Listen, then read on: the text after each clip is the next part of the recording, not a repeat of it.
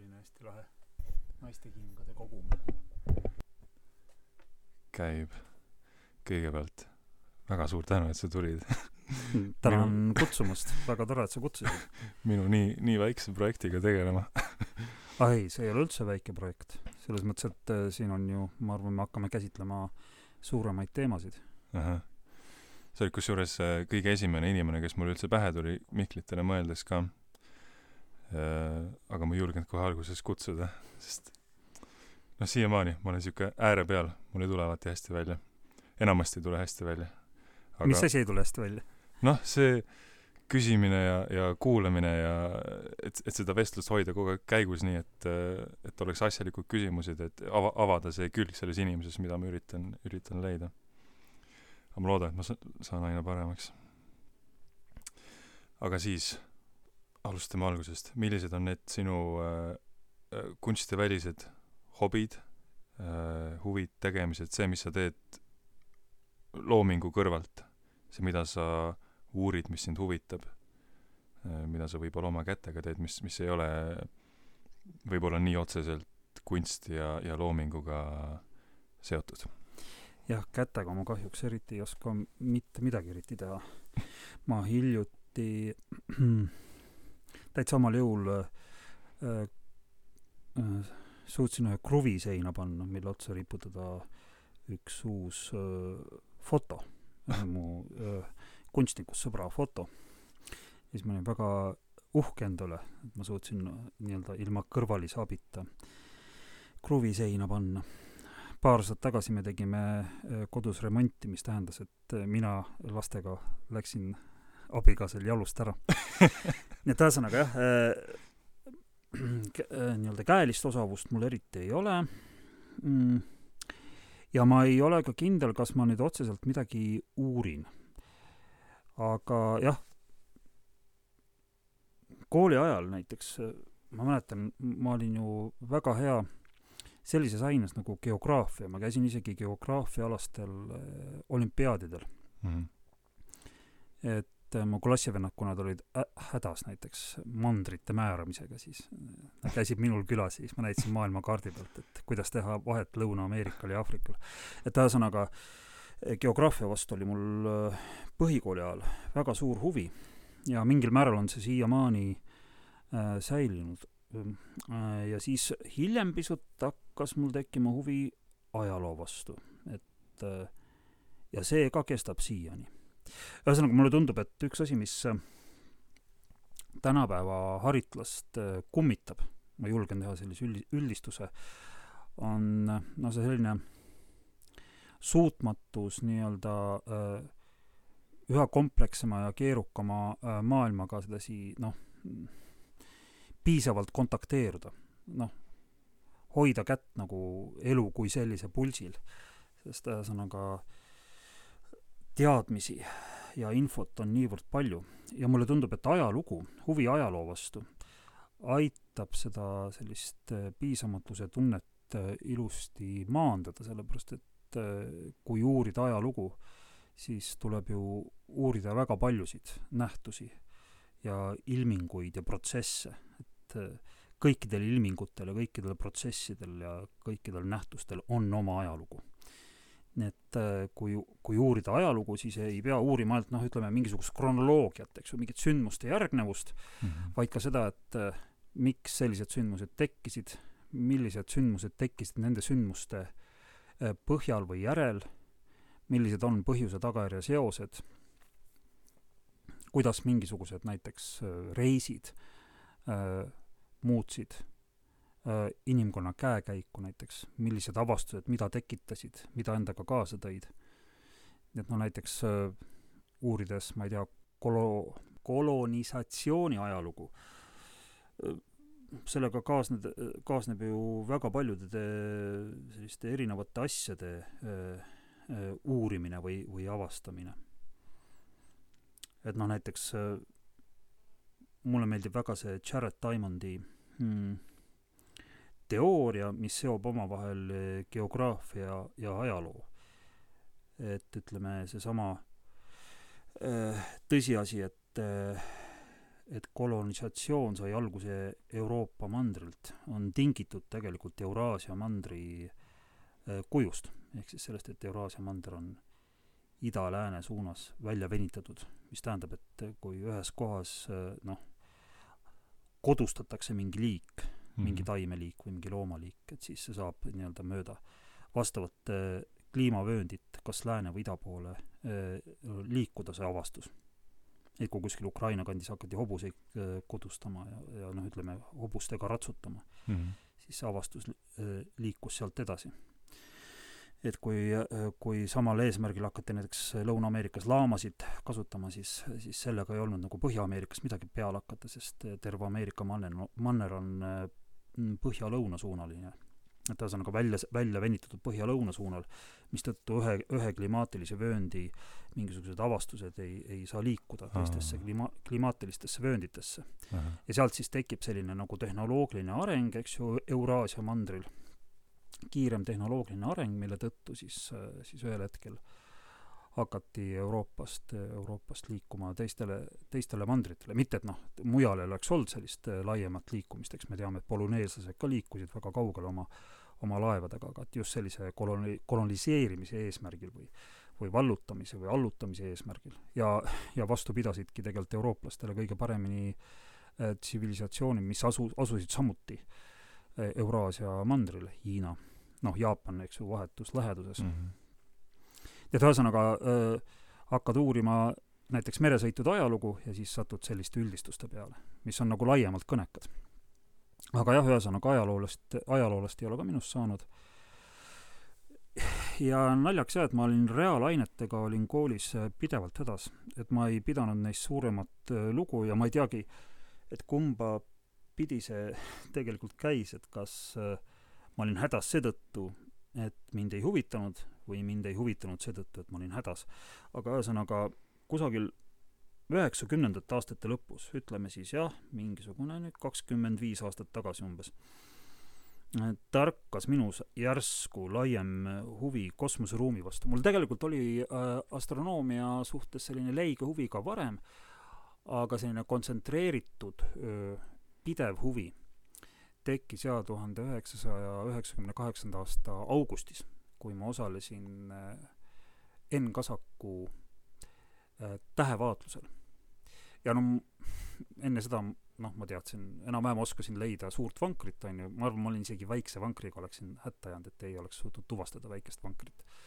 et ühesõnaga, ma ei teadnud tähistaevast mitte midagi ja siis ma mäletan, et äh, see oli augusti lõpp ja siis Enn Kasak näitas meile seda, mida eesti keeles kutsutakse sügiskolmnurgaks mm,. Inglise keeles on selle nimi summer triangle ehk siis suve kolmnurk, no ühesõnaga augustis on seda kolmnurka väga kerge jälgida, ta on otse nii-öelda pea kohal. ehk siis seal selle kolmnurga moodustavad kolm eredat tähte, Vega, Teeneb ja Altair. Vega on siis lüüra tähtkujus, Teeneb on luige tähtkujus ja Altair on kotka tähtkujus. ja siis ma mäletan, kui äh, Enn Kasek näitas neid kolme tähte, siis see tundus mulle nagu, et ta loitsib kuidagi või ütleb midagi, Deeneb Vega Altair, Deeneb Vega Altair, et ühesõnaga see kuidagi tundus selline niivõrd müstiline mulle. nagu mingi, mingi, mingi kood oleks mulle avatud. Ja noh, tegelikult avatigi. ja ühesõnaga sealt algas eh, noh, ütleme selline vägagi piinarikas, kestvalt piinarikas, aga täiesti vabatahtlik siis äh, liginemine füüsikale ja, ja keemiale. Või noh, taasliginemine ja servapidi muidugi ka matemaatikale. et eh, noh, kui, kui hakata juba tundma näiteks tähtede vastu huvi, siis tuleb ju tunda huvi, no ma ei tea, tähtede massi, ereduse, kauguse vastu ja need noh, kõik on seotud, eks ju, selliste mm. füüsikaliste äh, andmetega mm.. no näiteks äh, väga huvitav on mõelda sellesama Deenebi peale, eks ju, mis on siis luige tähtkujus. Et Deenebi mass on päikese omast äh, umbes kakskümmend korda suurem ja läbimõõt kakssada korda suurem. et ühesõnaga mm., ta seetõttu tundubki nii ere, et ta on niivõrd suur. lihtsalt asub meist üsna kaugel. aga jah, minu arust nagu astronoomia puhul jah, nüüd mul enam ei, ei olegi nagu vahet, et, et et mida, mida, mille vastu parasjagu huvi tunda, noh, kas tunda huvi, ma ei tea, päikesesüsteemi vastu või tunda huvi eksoplaneetide vastu või tunda huvi, ma ei tea, kaugete galaktikate vastu, kõik on võrdväärselt huvitav, kõik on võrdväärselt selline uskumatu mingis mõttes. ja noh mm,, no tegelikult ongi nii, et juba päikesesüsteemis on niivõrd palju huvitavaid objekte, et põhimõtteliselt Äh, me võiksime teha lihtsalt saate rääkides nagu päikesesüsteemi objektidest, eks ju mm -hmm.. noh, võtame meie sama, äh, meie enda kuu mm. -hmm. et, äh, et iga aastaga eemaldub kuu maast umbkaudu, noh, ma vabandan kohe nende astrofüüsikute eest, kes seda saadet kuulavad, et ma hakkan üsna suvaliselt jah, neid äh, arve pilduma, aga no ütleme umbes kolm koma kaheksa sentimeetrit mm -hmm. aastas et ühesõnaga minu eluea jooksul on äh, jõudnud Kuu maast eemalduda noh, ligi kaks meetrit. et siis kui hakata mõtlema, et äh, sadade miljonite aastate eest, kui lähedal tegelikult Kuu Maale oli mm. -hmm. või noh, no noh, väga hea näide on see Saturni kaaslane Titan, eks ju, millel on ju väga selline tugev ja atmosfäär, aga kuna seal on niivõrd külm, siis seal on näiteks Äh, selline aine nagu metaan on seal vedelas olekus, nii et met-, metaanist moodustuvad seal sellised järved ja mered ja sajab metaanivihma ja et ühesõnaga juba päikesesüsteem on selliseid suuri, suuri imelisi kohti, kohti täis. nii et ühesõnaga jah, et kui sa nüüd küsid, et milliseid alasid ma uurin, siis ma arvan jah, et ennekõike ma uurin või tunnen huvi astronoomia vastu ja siis pisut servapidi äh, ka astrofüüsika ja kvantfüüsika vastu, aga seal kohe tulevad loomulikult ette need sellised, kuidas ütelda siis, reaalteaduslikud piirid. et, et ma ikkagi ei saa nendest nagu valemite keelest, ma ei saa jagu, et et ma ikkagi loen nagu populaarteaduslikke raamatuid ja, ja nende puhul peab alati arvestama, et tegu on mhm. sellise vahendatud teadmisega, eks. mul ei ole mhm. mingisuguseid otseseid teadmisi mingi, mingist katsest, eks mm. -hmm et see kõik on kuidagi vahendatud. no see on umbes, ma arvan, midagi sarnast, et, et ma ei ole kunagi elus teatris käinud, aga mul on hästi palju räägitud nagu teatrietendustest, eks väga detailselt. Mm. ühesõnaga, et erinevad inimesed räägivad mulle ühest teatrietendusest ja siis ma teen sellest endale nagu mingisuguse ettekujutuse ja siis lähen käin rääkimas, teate, tead, Tartu uues teatris on selline lavastus, eks ju. ma mõtlesingi küsida, et kui sa, kui sul see taust puudub ja sul on äh, keeruline aru saada nendest, siis et jah, tahtsingi küsida, et milliseid kanaleid sa, sa kasutad, et siiski nagu midagi teada saada? aga siis lihtsalt populaarteaduslik eh, kirjandus on see? no jaa, eh, ja seda on ju väga palju mm. -hmm. ja üldiselt eh, kuna ma suudan lugeda soome ja inglise keeles lisaks eesti keelele, siis ma olen üsna palju oma välisreisidel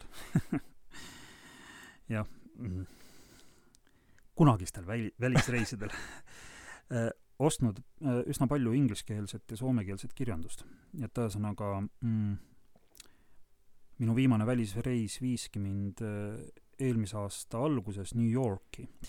ja New Yorgis oli selline vägev pood, mis nüüd hiljuti pandi äh, kinni mm,, kust ma siis leidsin lihtsalt riiulitäie äh, nagu teoreetilise füüsika, siis populaarteaduslikke käsitlusi.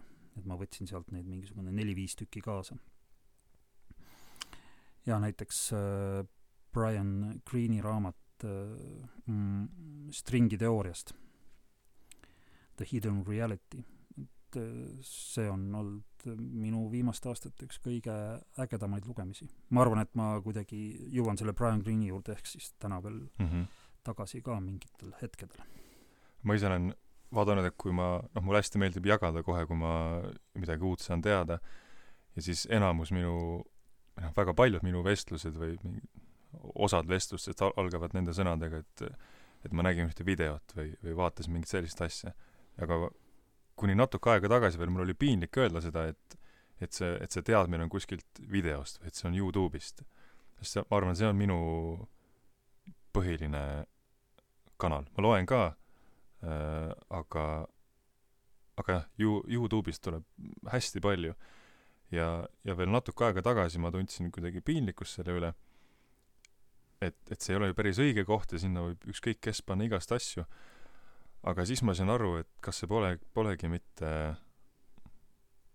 see uus suund, kuhu asjad lähevad, et need inimesed tegelikult, kellel on ju miljoneid, miljoneid jälgijaid seal ja vaatamisi ja nad teevad neid videosid noh, koostöös nende päris teadlastega ja, ja ja neil on faktikontroll kõva ja see kommuun, kes neid vaatab, kohe toob välja, kui midagi on valesti. et ja siis ma lõpetasin selle piinlikkuse tundmise ära, et see on ju ka tegelikult täiesti asjalik kanal, kui sa vaatad, kuidas kas endine või praegune professor seletab sulle mingisuguse asja lahti. inimesel on palju loomulikum äh, kuulata kui, äh, kui lugeda. ja, ja ei, mina arvan, et äh, täiesti õigesti tegid, ei ole mingisugust põhjust piinlikkust tunda, tuleb lihtsalt ära tunda mm, -hmm. milline info on kaalukas ja tuumakas ja milline mm -hmm. mitte.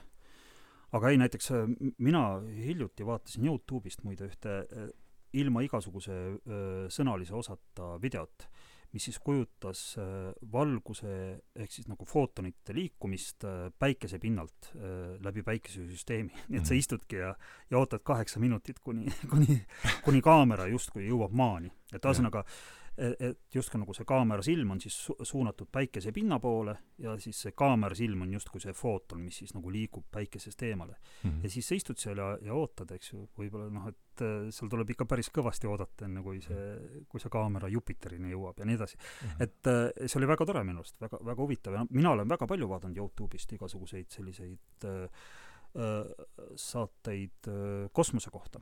seal on mhm. ju väga palju kõikvõimalikke materjale, noh kas või päikesesüsteemi planeetide kohta, Veenuse kohta, Marsi kohta, eks ju, Veenus ja Marss, eks ju, mis on ju meile ütleme, kosmilises plaanis noh, põhimõtteliselt meie ukse taga, eks ju mm. -hmm. Veenus ja Marss on meie naabrid. siis nad on ikkagi täiesti hämmastavad kohad. tähendab, täiesti hämmastavad kohad, et nad on ikkagi nii, nii veidrad mm. -hmm. no eriti Veenus, eks, kus tegelikult äh, on kasvuhooneefekt läinud juba iga, üle igasuguse piiri, võiks nii öelda, eks. et Veenusel on juba kasvuhooneefekti tõttu mitte ainult väga kuum, vaid ka seal on õhurõhk väga, väga kõrge. tal on ikkagi mingi atmosfäär? jaa, tal on väga tihe atmosfäär. kuigi ta on nii väike?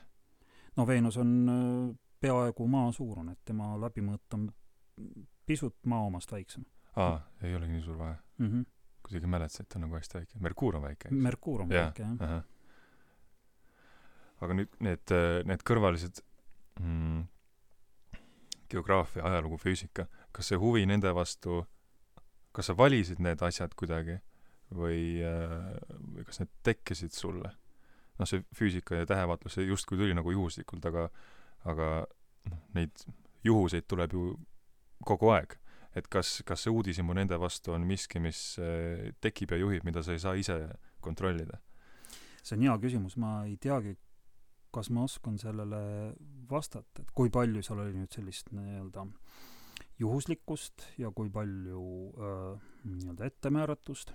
noh, ma arvan, et äh, see, et ma sattusin Enn Kasaku tähevaatlusele, oli iseenesest äh, juhuslik, aga ju minus siis ikkagi mingisugune latentne huvi või vähemalt potentsiaal äh, hakata huvi tundma äh, eksisteeris et see Enn Kasaku jutt ei kukkunud sedasi äh, nii-öelda kõrbepinnasele, et mi-, et midagi seal ikkagi, midagi seal minus ikkagi oli, mingisugune soov suunata pilk äh, nagu võimalikult kaugele mm, -hmm. eks ju, suunata pilk äh, vahetust ümbrusest eemale.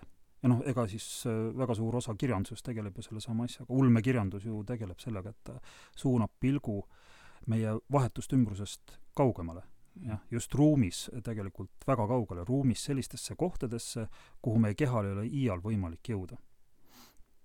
ja noh, ühesõnaga, aga samas ma arvan, et, et noh, huvitav ongi see, et ma olen ju ise ka nüüd teinud juba mõned ka ametlikud tähevaatlused ja noh, ütleme oma sõpradele olen ikka teinud tähevaatlusi. mida see ametlik tähendab seal? ametlik tähendab seda, et, et see on mingisuguse programmi osa kusagil üritusel näiteks. Mm, aga noh, mulle seetõttu tundub, et tegelikult ei ole astronoomia vastu eriti raske üldse sellist nagu üld, üldist huvi tekitada. sest ühesõnaga, noh, ühesõnaga, kuidas ütelda, see selline, et kuidas ütelda, no ütleme siis, tavainimese astronoomia, millega mina tegelen, see on väga lihtne, ühesõnaga lihtsalt sul sul peab olema võime suunata pilk taevasse ja parasjagu selge ilm. noh, ütleme selge ilmaga on Eestis olud nagu on, aga näiteks mõnel kirkal talveööl vaadata, ma ei tea, Orioni. Mm, see on minu arust üks kõige kergemini ligipääsetavaid meelelahutusvorme ja selline meelelahutusvorm, mis ei ammendu, ühesõnaga. see on selline seriaal, mida ma võin nagu lõpmatuseni vaadata, eks. Kuigi noh, seal seriaalis justkui äh, pealespinna midagi ei toimu. toimub väga aeglaselt. jah, jah, toimub, äh, toimub niivõrd aeglaselt, et meie, meie silm seda vahetult ei registreeri mm, -hmm. aga, aga kui hakata mõtlema, mis selle näilise liikumatuse taga toimub, siis, siis see on tõesti, äh, see on tõesti ammendamatu. aga mida selleks vaja oleks, et sa saad, said selle äh, kutse siis olla programmi osa. kui sa alustasid nullist ja sul ei ole noh, astronoomiaalast mingit ametlikku haridust, kuidas sa said, äh, kuidas tavainimene saab sinna, et ta on selle programmi osa? no lihtsalt tuleb, ma arvan, asjaga tegeleda, asja vastu huvi tunda ja, ja sellest rääkida ja selles osas inimestega mõtteid vahetada ja siis see teave ju levib. vaata, Eesti on selline mõnus väike ühiskond, eks ju, et kui keegi midagi teeb, siis, siis teave sellest levib ja noh, kui keegi teeb midagi noh, mitte kõige halvemini, siis sellele teabe levimisele võivad järgneda täiesti konkreetsed ettepanekud ja kutsed. ja kusjuures minu meelest äh, ma tahan veel seda rõhutada, et minu meelest astronoomia oma olemuselt ei ole üldse kunstiväline ilming. et tegelikult see ongi kõige huvitavam asi, et, et ühesõnaga kõik taevased objektid, mida me näiteks näeme siin põhjapoolkeral mm, -hmm. no lõunapoolkeraga on asjad pisut keerulisemad, ma jätan selle praegu kõrvale, aga et ütleme, see see tähisöine taevas, mida me põhjapoolkeral näeme, eks ju, et see on nagu kultuuriloost, kuidas ütelda siis, tiimne või ühesõnaga, see on mm -hmm. kultuurilugu täis, eks ju. ja juba noh, eks ju, päikesesüsteemi planeedid, eks ju, äh, kannavad ju antiikmütoloogiast pärit äh, nimesid, eks, et noh, ma ei tea, äh, Jupiter on ju ladina või rooma vaste Kreeka Zeusile, seesama Merkuur, eks ju, on mhm. vaste Hermesele, Marss on vaste Aaresele, ühesõnaga kõik on, kõik need planeedid kannavad selliste mütoloogiliste äh, olendite äh, või isikute nimesid. ja noh, näiteks ma olen alati äh, toonud selleks äh, nagu selle suure vankri näite. et suur vanker, eks ju, selline väga asjalik nimi, noh, eks asjalikud, asised, maised eestlased aga eks ju selle äh, tähtkuju äh, ladinakeelne nimi on Ursa Major siis tähendab suur karu mm. -hmm. ja see suur karu viitab jällegi äh, peajumal Zeusile äh,. ja muidugi noh, karu ise oli algselt nümf äh, Callisto ja lihtsalt siis Zeus äh, muundas ennast äh, legendi järgi siis iseenda tütreks Artemiseks ja siis äh, noh, ütleme nii äh, võrgutas siis selle äh, õnnetu Callisto ära ja siis äh, Zeusi naine Hera sai vihaseks, aga millegipärast sai ta vihaseks Callisto peale ja muundas Callisto karuks. et tegelikult see suur karu siis, äh, siis viitab Callistole. ja muide on olemas ka Callisto nimeline kaaslane, üks Jupiteri siis sellest neljast Galileo Galilei avastatud kaaslasest, eks ju, Galileo Galilei avastas tuhat kuussada kümme neli kaaslast Jupiterilt, Io, Europe, Ganymedes ja Callisto. Et see, et ka üks üks siis äh, Jupiteri kaaslane kannab sedasama, sama nime. kõik on naiste nimed, eks ju mm? -hmm. ja näiteks äh, see on ka, see, see väike info on ka tegelikult äh, maailma teatriajaloos selline huvitav kild, et Aishiros olevat kirjutanud Callisto nimelise tragöödia, aga see pole lihtsalt säilinud. nii et ühesõnaga, suunad pilgu taevasse ja saad samaaegselt võid saada siis või, või ühesõnaga, kui tunned huvi asja vastu, võid saada reaalteaduslikke, loodusteaduslikke äh, uusi teadmisi ja kultuuriloost äh, teadmisi mm. -hmm. kunstiajaloolisi teadmisi. et jah, mulle, mulle väga see meeldib, see põhjapoolkera tähistaavus on põhimõtteliselt, eks ju, antiikmütoloogiast tulvil, eks ju, just neid antiikmütoloogiast pärit motiive ja lugusid ja sageli tähtkujud oma, on omavahel siis väga loogiliselt ka seotud, et noh, kui me võtame Andromeeda udukogu, eks, ehk siis äh, Andromeeda udukogu on äh, kõige kaugem äh, palja silmaga nähtav objekt, ta asub meist circa kahe koma viie miljoni valgusaasta kaugusel, nii et see selline ähmane valgus, mida väga hea, väga sellisel ilusal selgel ööl me võime näha, on siis kaks koma viis miljonit aastat vana mm. -hmm. aga Andromeeda nimi äh, äh, viitab ju Etioopia printsessile. ja kui me vaatame, eks ju, et siis Andromeeda udukogu asub Andromeeda äh, tähtkujus ja Andromeeda tähtkuju kohal on Cassiopeia tähtkuju, kes oli siis äh, selle printsess Andromeeda ema. ja, ja siis selle Cassiopeiast veel väheke kõrgemal, väheke põhja pool on siis Geefeuse tähtkuju ja Geefeus oli siis Andromeeda isa. ja Andromeeda kõrval on siis Perseus, äh, see kangelane, kes siis Andromeeda nii-öelda ära päästis. ja, ja, ja selle Perseuse alfatäht kannab nime Algol. ja see tuleb sellist araabiakeelsest väljendist nagu Rasalgul ma ei tea, filmifännid arvatavasti, neile võib, mõnele, mõnele filmifännile võib tulla see nimi tuttav ette, sellepärast et seal Christopher Nolani äh, Batmani lugudes tegutseb üks äh, kurjam nimega Rasal Gull, keda ah, mängib jah, Liam Neeson, jah. see, kes treenis Batmani. jaa, just, just ja see tähendab tegelikult araabia keeles siis äh, äh, koletise pead ja Vana-Kreekas nähtigi, et see taevane Perseus hoiab käes siis Meduusa enda pead, et see algol tähendas siis kreeklaste jaoks, jaoks see täht Meduusa pead. ja noh, ühesõnaga, kui läheme selle sügiskolmnurga juurde tagasi, siis eks ju see Deeneb on luige tähtkujus ja luik jällegi kehastab ju Zeusi Zeusi, kes no ütleme, Luik ise ei kehasta Zeusi, eks ju. ei, kehastab küll, jah. Zeus oli, Zeus ju muundus luigeks, kui ta läks siis selle Sparta kuninganna Leeda juurde, jah. et, et noh, tegelikult meie pea kohal on, on siis, lendab seal mööda seda linnuteed Zeus ise. Veega asub Lüüra tähtkujus ja Lüüra muidugi viitab Orfeusele, Orfeuse ja Eurydike loole. et ühesõnaga, suunad pilgu taevasse ja siis sulle vaatab vastu terve antiikmütoloogia põhimõtteliselt. kas sellele, et äh, eesti keeles oli suvekolmnurk? Äh, no minu, minu teada eesti keeles, kui ma õigesti nüüd mäletan, siis minu meelest Enn Kasak ütles selle kohta ikkagi sügiskolmnurk. kuigi ma ütlen, et teda on juba augustis väga äh,, väga kerge avastada. ja inglise no, keeles oli? Äh, summer triangle ehk siis suvekolmnurk. et millest see vahe tuleb? no ei tea, vahe võib tulla lihtsalt äh, erinevatest laiuskraadidest äkki. Eesti on lihtsalt põhja pool kui ma, Inglismaa, ma ei tea, ma ei oska öelda.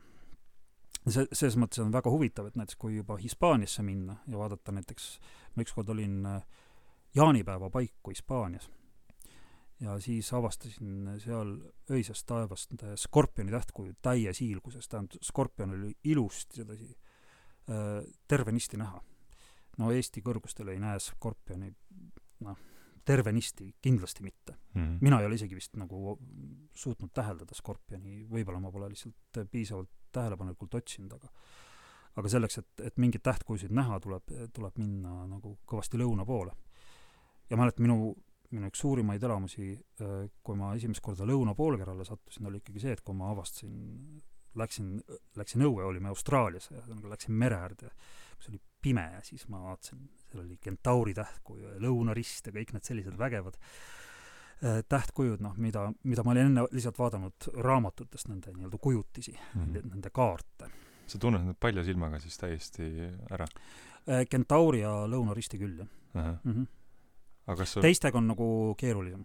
kas selle tähtede tundmisega on kaasnenud ka mingi orienteerumisvõime et kui sind võtta meresõidule kaasa näiteks? jaa, äh, põhimõtteliselt küll jah, sest äh, no see muidugi jälle kõik oleneb ju aastaajast uh, -huh. aga üldjoontes on ikkagi ju nii, et, et, et mingid tähed asuvad teatud, teatud suunas uh. -huh.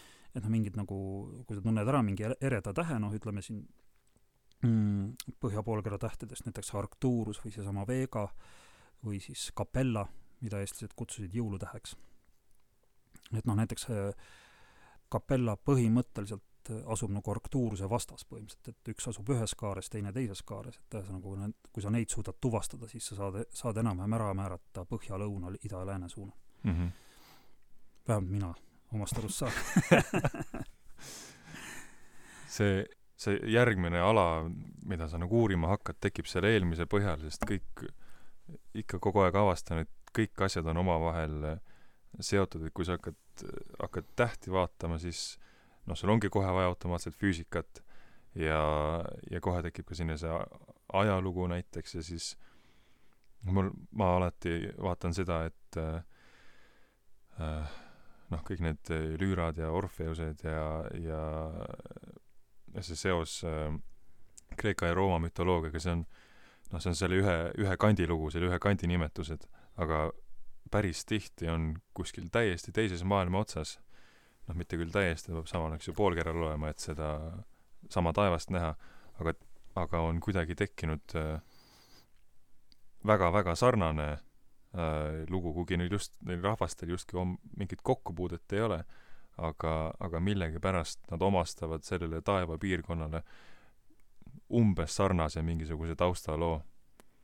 ma ei tea, kas sul selle, sellelt alalt ka mingisuguseid tähelepanekuid? üldjoontes olen nõus, aga, aga jah, mul, see ongi huvitav, et ma ei ole neid teisi mütoloogiaid eh, niivõrd palju uurinud, tähendab, ma olen nendest teadlik, ma näiteks tean, et, et Polüneesia rahvastel on, on noh, väga sellised detailsed teadmised tähistaevast ja just nagu ka üldiselt äh, ka täiesti oma, oma selline väga äh, detailirohke mütoloogia selle kohta mm.. aga mina olin jah, üldiselt, üldiselt siis nii-öelda toetun sellele nii-öelda meie läänemaise kultuuri nii-öelda alusteadmistele või sellele aluskultuurile. Aga jaa, kindlasti on see palju rikkam jah, loomulikult palju rikkalikum. nüüd, kui sa oled äh, uurinud neid asju, mis sa oled uurinud äh,, mingisuguse taseme saavutanud, siis kas äh,, mis on mingid esialgu kõige rabavamad äh, avastused äh,, mida sa oled äh, teinud? Sa mõtled enda jaoks jah, minu enda Jah, jaoks? mis, mis tuli nagu nii, nii suure üllatusena, et ma olen täiesti, täiesti vale arusaam oli enne või? nojah, ma arvan, et ükskõik missugust taevast objekti sa uurima asud, minuga on vähemalt olnud nii, siis ikka varem või hiljem sa jõuad selle järelduseni, et, et iga see taevane objekt on unikaalne ja, ja mingi piirini noh, täiesti uskumatu. Lihtsalt eh, küsimus on selle siis uskumatuse mastaapides, no kõige kergem näide on seesama Orioni tähtkujus, on selline täht nagu Betelgeuse ja see Betelgeuse on ka ülihiid, ta on ääretult suur. no ma olen kuskilt lugenud, et kui, kui asetada Betelgeuse päikese asemele, ühesõnaga võtta päike ära, panna Betelgeuse asemele, siis maa jääks Betelgeuse sisse, tähendab, ta on, tema läbimõõt on lihtsalt nii suur. Aga seetõttu, et ta on selline ülihiid, on ta ka ääretult ebastabiilne. ja üldiselt eh, teda on viimastel aastatel mõõdetud, no arvatakse, et lähiajal saab temast supernova. aga muidugi noh, see äh, mõiste lähiajal võib tähendada, ma ei tea, lähimat äh, sadat tuhandet aastat, aga see võib Mhm. tähistada ka homset. muidugi jah, jällegi, see on väga huvitav, kuidas äh, äh, selliste taevaste objektide puhul ajast rääkimine muutub kohe paradoksaalseks, sest äh, see, mis on meie jaoks homme, on siis Betelgeuse jaoks äh, juba siis kuussada aastat tagasi, noh, circa Mhm. kuussada aastat tagasi, ta asub meist umbes kuuesaja valgusaasta kaugusel, kui ma nüüd õigesti mäletan, siis ta on nagu põhja poolkeral kaheksateistkümnendaks eredaim täht, sest ta asub nii kaugel, aga noh, et, et on äh, kohutav pirakas. Siis ma olen lugenud ka selle kohta, muide, et kui Betelgeusest äh, saaks supernova, siis ta muutuks öötaevas sama suureks ja sama eredaks kui kuu, nii et teda oleks ka päevasel ajal näha. nii et kaks nädalat elaks me hoopis teistsuguses maailmas. no siis see supernova äh, plahvatus la- lendub laiali ja Betelgeuse meie orientiirist kaob siis ära. et äh, Orion jääb siis oma paremast õlast ilma. Ma muide Uus-Meremaal nägin Orioni ka tagurpidi, seal on Orion ju, eks ju, selles, et tal on jalad üleval, pea all, sest ta on Mhm. lõunapoolkeral. aga ta ühesõnaga, kui lihtsalt sellise asja peale mõelda, siis hakkab juba tekkima selline uskumatuse tunne ja noh, muidugi noh, kõik need eksoplaneedid, eks ju, mida praegu riburada pidi avastatakse, loed kõikide nende eksoplaneetide kohta, see on nii huvitav, on ju. Mhm. et äh, et noh, millised tingimused peavad, eks ju, olema täidetud, et me võiksime hakata üldse nagu noh, spekuleerima, et ühe eksoplaneedi peal võiks olla äkki äh, orgaanilist elu äh,, mõistusega olendeid. nii et see on jah, minu meelest äh, noh, ma ütlen, et äh, no Andromeda udukogu ma juba mainisin ja või noh, näiteks üks hea näide. Ma ei tea, oled sa kuulnud sellist, sellisest asjast nagu maa pretsessioon jaa mm? -hmm, eks, maatelje pöörlemine, eks ju, et maa, maa ei tiirle lihtsalt ümber oma telje, vaid ka see telg ise pöörleb ja see telg mm Mhm. -hmm. teeb siis a- öö, ühe täistiiru teeb kuskil umbes kahekümne kuue tuhande aastaga. Mhm. praegu see telg on suunatud siis Põhjanaela poole, ehk siis selle Polaarise poole,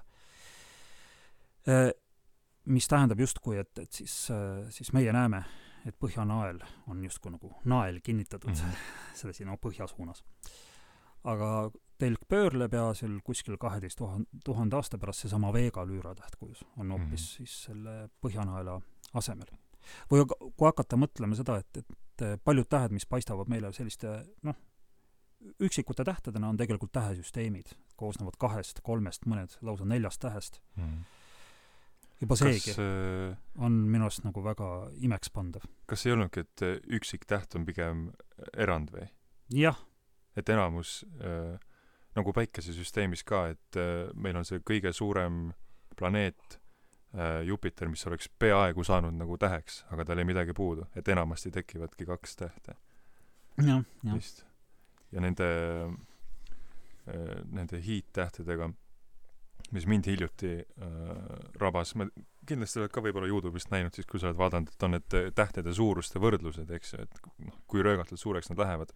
tavaliselt selles äh, reas on alati Betelgeuse ka muide. Jah. mm. -hmm. ja aga tegelikult need viimased, need üli-ülisuured tähed, hiljuti ma sain teada, et need pigem näevad välja nagu äh, pilved või sellised, neil, neil ei olegi seda, seda kerajat kuju, mis seal videos on, täpselt nagu meie päiksel, aga et ta on sihuke Mm -hmm.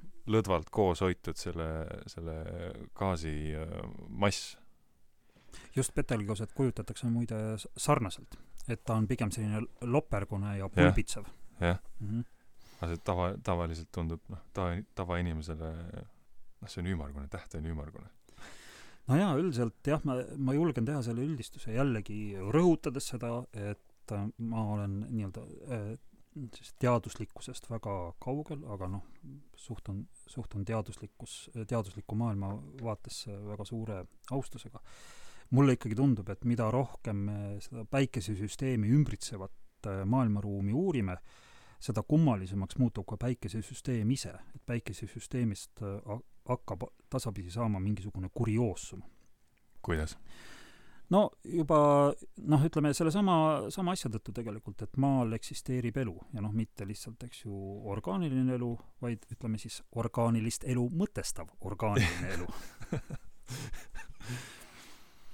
et, et, et selleks, et, et selline äh, orgaanilist elu mõtestav orgaaniline elu, see on väga hea harjutus äh, Diktsionäär. et- orgaanilist elu Teatritudengitele. et, et selline elu üldse tekkida saaks, peab olema täidetud niivõrd suurel hulgal erinevaid tingimusi, mm. -hmm. et see tundubki, noh, sõltub nüüd inimesest, aga mõnele võib see tunduda tegelikult ime ekvivalendina. et see on imeline, et need tingimused kõik on täidetud. Neid tingimusi on niivõrd palju, et nad peavad olema täidetud. no näiteks mm, no mõtle, mõtleme, võtame siis sellesama meie enda lokaalse päikesesüsteemi, noh, võtame seda siia hästi lähedalt, eks ju. selleks, et maal võiks olla elu, peab näiteks päikesel olema sobiv keemiline äh, koostis, mis võimaldaks äh,, eks ju, maasugusel planeedil fotosünteesi, eks ju. kui panna siia päikese asemele Siirius, siis äh, Siiriusest emaneeruv valguse lainepikkus ei võimaldaks fotosünteesi teiseks, päike on suhteliselt stabiilne, et kuna päike on, päike on väike siis on ta suhteliselt äh, stabiilne, eks ju. väiksed tähed kestavad kauem. jah, nende elukaar on pikem, sa, ühesõnaga Mhm. see tasakaal gravitatsioonijõu ja siis nende termotuumajõudude vahel mm. -hmm. kestab kauem lihtsalt. et Betelgeuse lähedal ma oleks ikka tõsiselt hädas tegelikult, ma arvan. nii, kolmandaks võtame et maakera asub selles nii-öelda kuldkihara tsoonis, ehk siis sellises mm, -hmm. sellises tsoonis, kus saab tekkida orgaaniline elu, sealhulgas siis seesama orgaanilist elu mõtestav orgaaniline elu. noh, näiteks Marsil on, eks ju, Marss asub liiga kaugel. Marsil on liiga külm, ühesõnaga Marsi, Marsi ööd, kui ma nüüd ei eksi, siis ka ekvaatori, Marsi ekvaatori kandis on seal kusagil ikkagi saja miinuskraadi juures. Veenusel on liiga ku-, kuum, et maa asub nagu väga õigel kaugusel. no järgmine, maakera trajektoor, mis pole, eks ju, liiga elliptiline, et maa ei liigu päikesele liiga lähedale, ei liigu temast liiga kaugele, kogu aeg maakera üldiselt saab stabiilselt, eks ju, seda energiat päikeselt, eks ju. Mm, siis väga oluline asi on see, et maa ei ole nagu päikese suhtes gravitatsiooniliselt lukus, nii nagu kuu on päikese või maa suhtes, eks. Et me näeme alati kuu ühte külge. et kui oleks nii, et, et, et üks külg on kogu aeg päikese poole ja teine külg on päikesest eemal, siis ma ei tea, kas oleks, ütleme siis, stabiilne atmosfäär võimalik mm. -hmm. nii ähm,, see, et maal on korralik magnetväli, eks ju, vot, vot magnetväli on üks selliseid asju, mis ajab mulle väga sageli ikka täiesti sellise hirmuseguse äh, imetluse peale. See on midagi täiesti nähtamatut, me mm, -hmm. me ei näe magnetvälja, me näeme mõnikord ainult magnetvälja mõju, eks ju, siis kui need päikeselaetud osakesed põrkuvad vastu magnetvälja pooluste lähedal mm, -hmm. siis me näeme neid virmalistena, eks, oi kui ilus on ju. aga kui, kui oletame, et see magnetväli ära kaoks, siis oleks selle meie eluga ka üsna kiiresti ühel pool.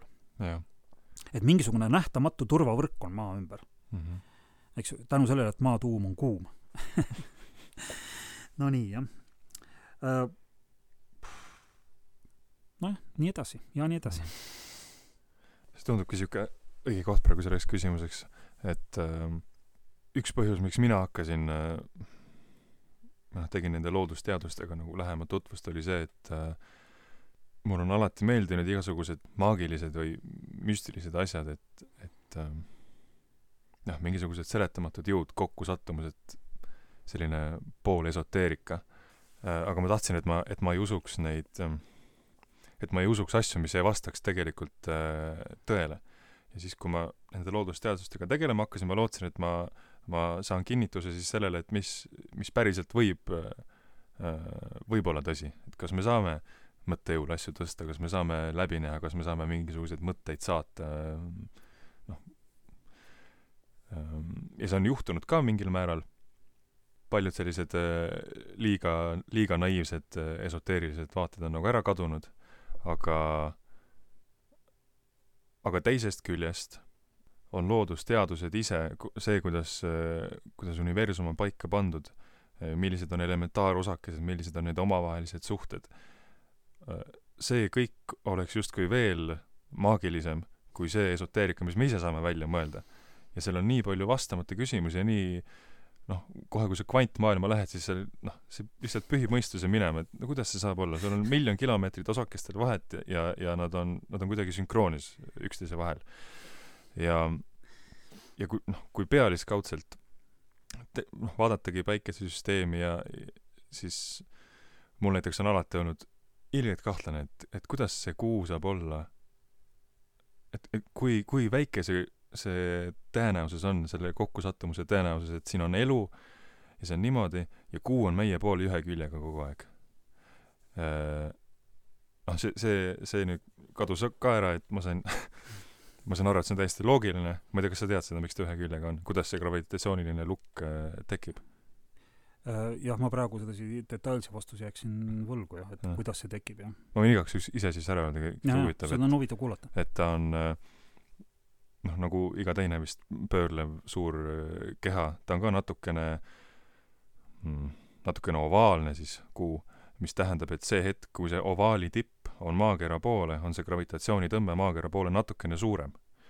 ehk siis tal on natukene raskem liikuda edasi, pöörata ennast sellest, pöörata jälle see lamedam külg maakera poole, sest gravitatsioon tahab, et see, see raskem, see väljaulatuvam külg jääks tema poole. ja niimoodi aegamisi maakera justkui neelab seda pööramise jõudu kogu aeg kuult.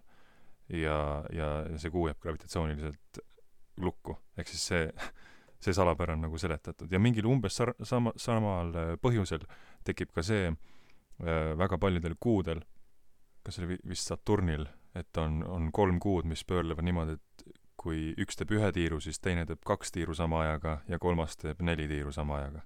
Et see tekib ka täiesti, täiesti loogiliselt, noh, mehaanilisel, noh, gravitatsioonilisel teel, kõik on loogiliselt seletatav, et see näeb välja justkui suur kokkusattumus, aga see on noh, tegelikult ainu, ainuvõimalik äh, tagajärg, kui sa sellise süsteemi üles sead. igatahes see hakkas tunduma siis äh,, et justkui tahtsin minna sellest esoteerikast eemale, kuigi samas ikkagi hoida mm, noh, jube hästi ma sõnastasin siin enne.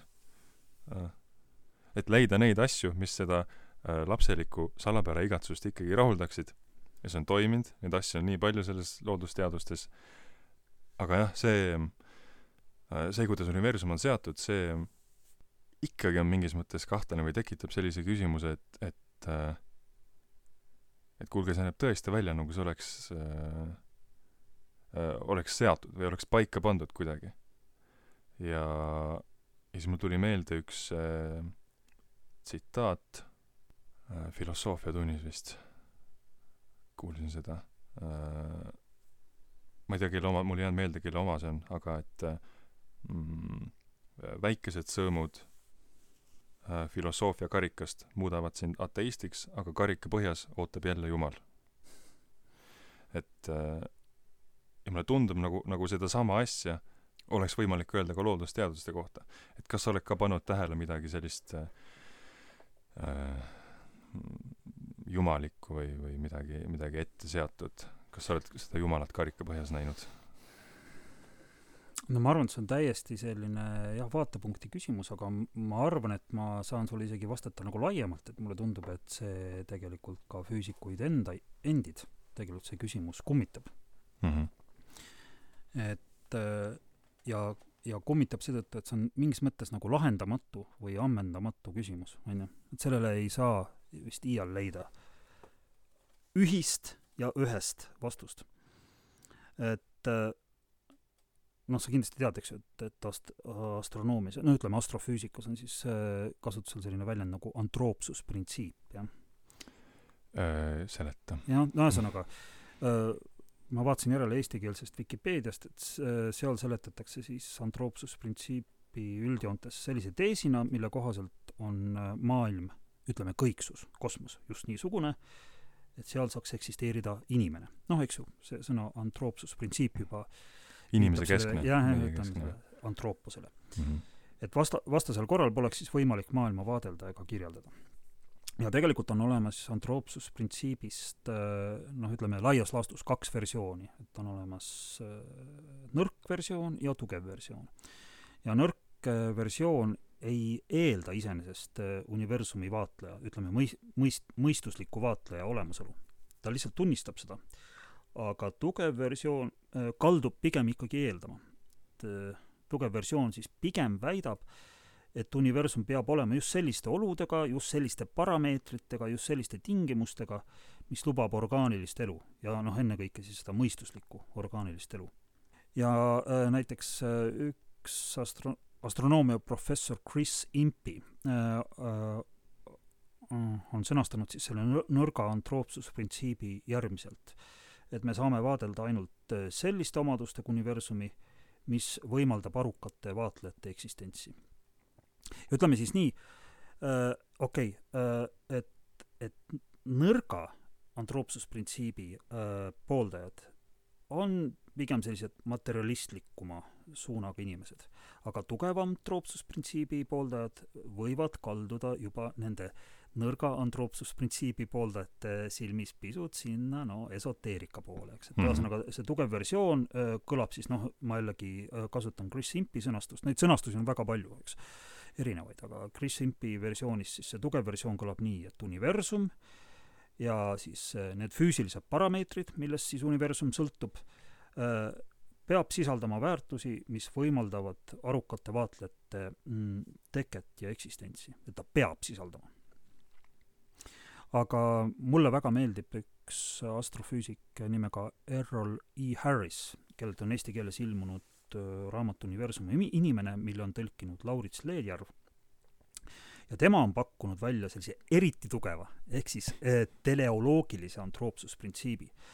ja ta sõnastab seda siis nii, et äh, füüsikalise universumi pärisolemus teeb elutekke ja arukate vaatlejate evolutsiooni selles vältimatuks.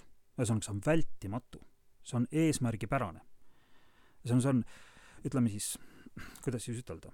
Universumi esi, eesmärk esimestesse, esimestesse molekulidesse on, on sisse kirjutatud, eks ju, uh. -huh. et peab moodustama midagi sellist äh, maataolist. ja esimestesse, esimestesse sellistesse proteiinimolekulidesse kuskil seal maa keemilistes mullitavates järvedes on sisse kirjutatud selline olevus nagu Martin Kork ja selline olevus nagu Jan Kaus, eks ja kõik teised.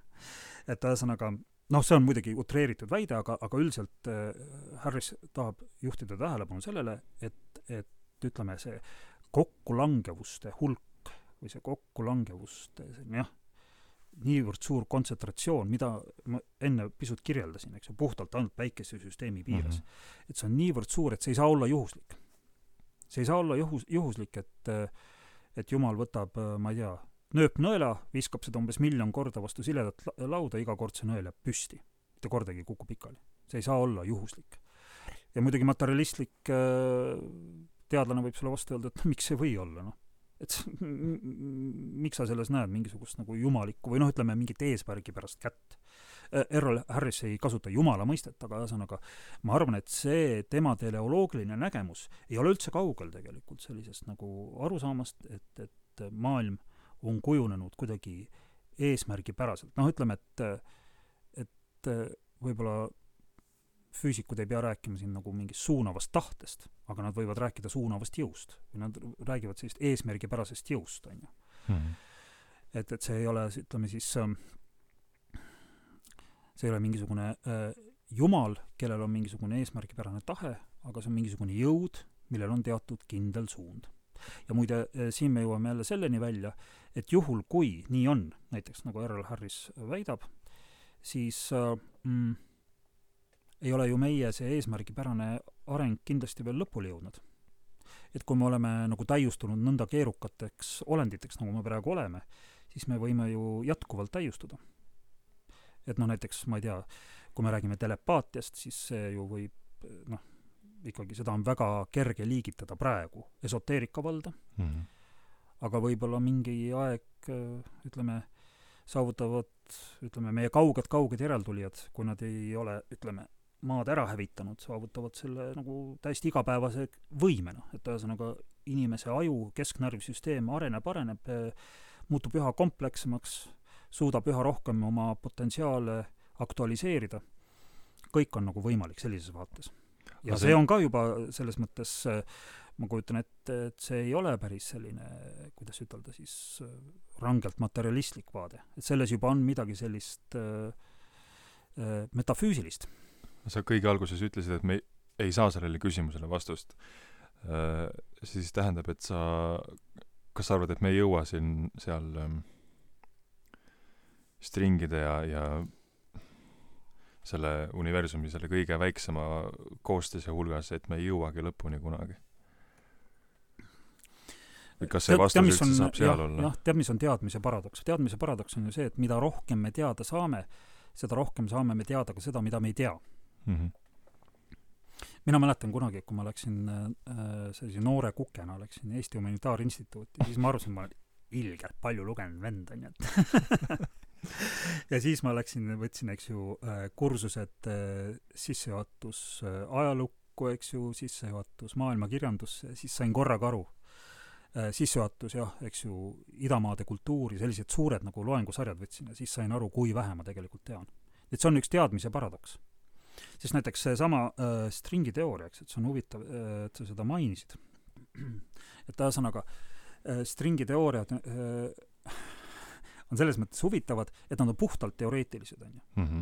et äh, kusagil väidetavalt elektronide või kvarkide sees on, eks ju, stringid, aga nad on liiga väikesed, et neid saaks mõõta.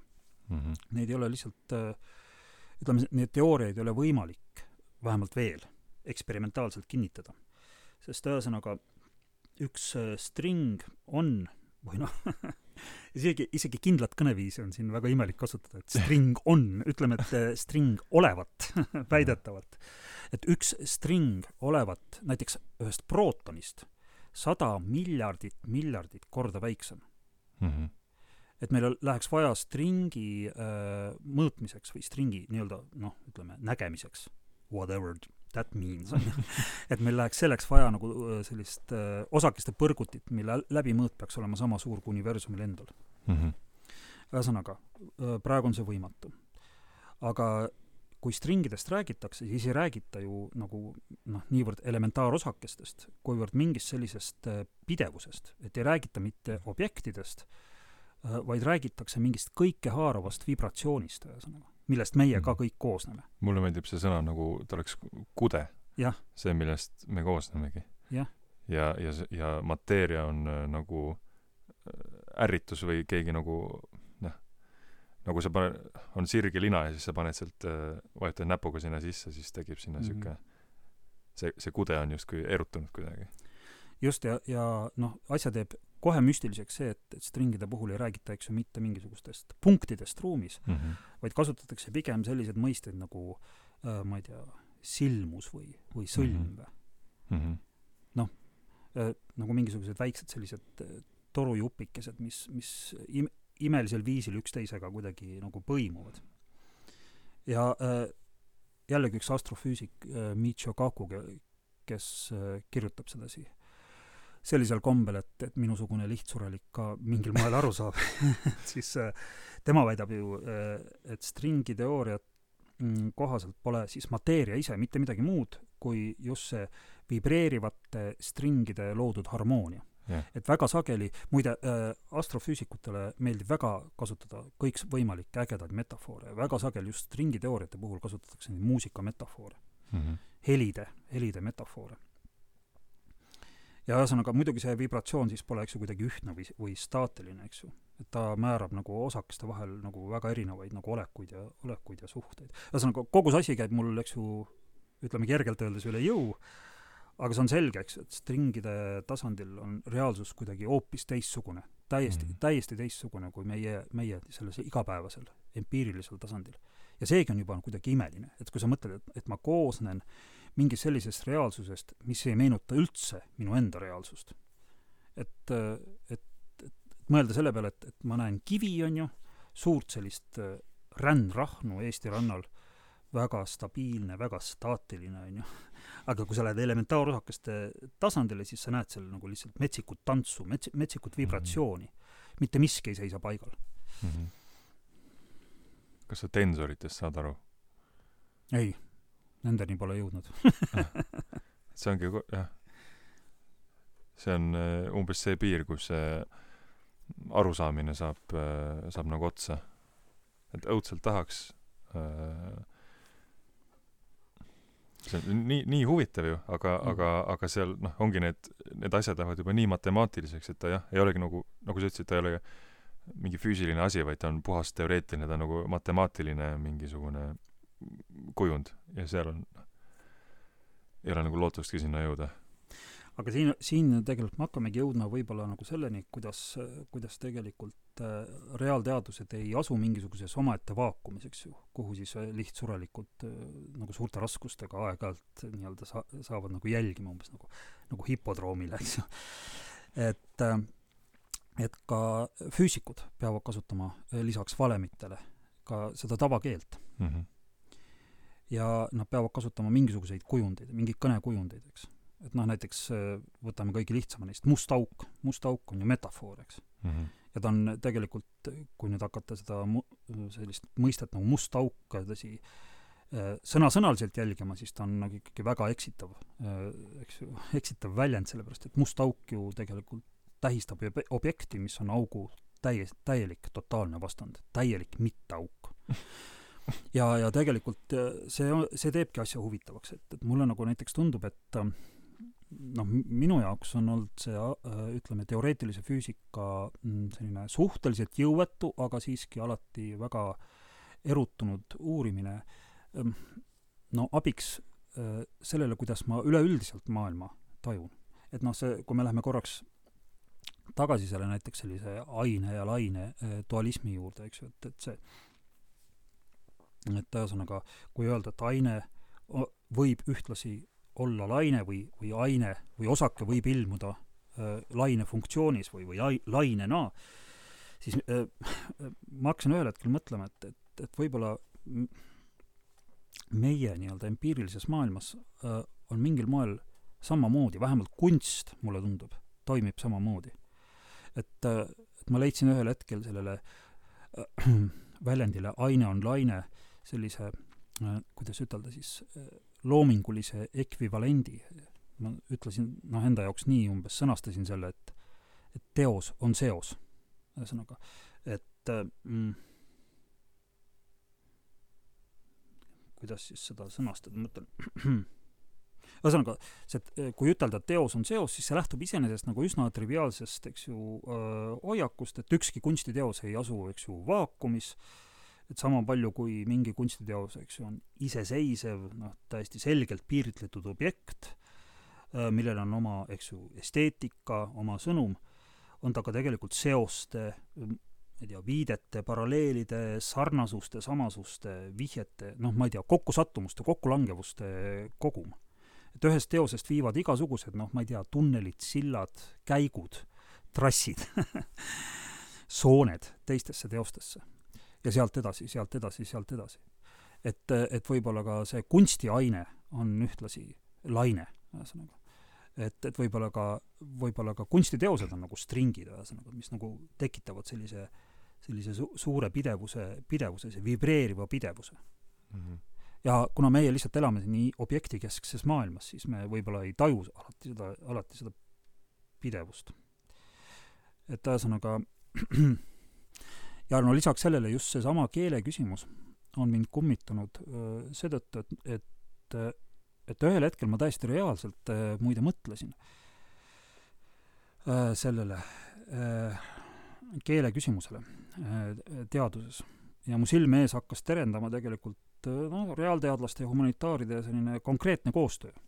aga selle koos-, koostöö jaoks oleks lihtsalt vaja eraldi elu, eks, et kui saaks ennast tõsi, paljundada, siis, siis hakkaks sellega täiesti metoodiliselt äh, pidevalt tegelema.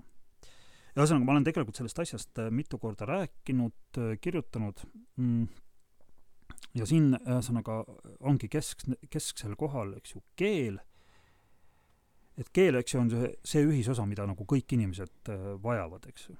et olgu nende ajupoolkeredega kuidas tahes, eks ju, et, et kõikidel inimestel on vaja seda nii-öelda verbaalset, verbaalset vahendit ja siis kuidas kõneleda nendest reaalteaduslikest tõsiasjadest, mis meil nagu, eks ju, sinuga kui moodsalt öeldes, blow ivad mind'i, on ju. et, et kuidas nendest äh, avastustest ja, ja, ja re, äh, reaalteadlaste jaoks enesestmõistetavustest mm -hmm. nagu rääkida.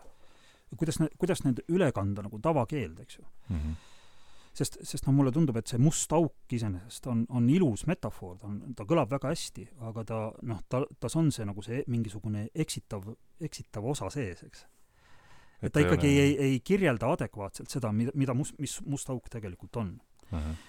ja ühesõnaga, ma ei hakka sellesse teemasse nagu praegu väga detailselt minema, ma muide pisut kirjutasin sellest Mm, mul eelmise aasta lõpul ilmus Tallinna Ülikooli kirjastuses selline raamat nagu Homme tuntud avarus ja ma seal pisut sellest äh, teemast kirjutan.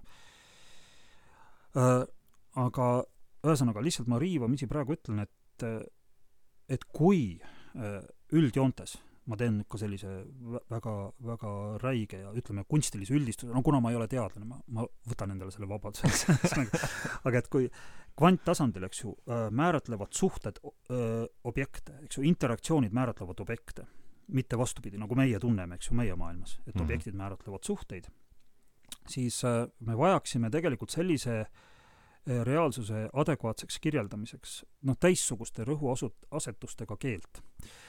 ja mul hak-, hakkas ääretult huvitav äh, kirjavahetus, mäletan, mul oli mõttevahetus äh, füüsik Lauri Järvega. me hakkasime selle üle mõtlema ja, ja ma arvan, ma olen saanud oma elus vähe äh, inspireerivamaid kirju nendest, mida Laur selles asjas mulle kirjutas.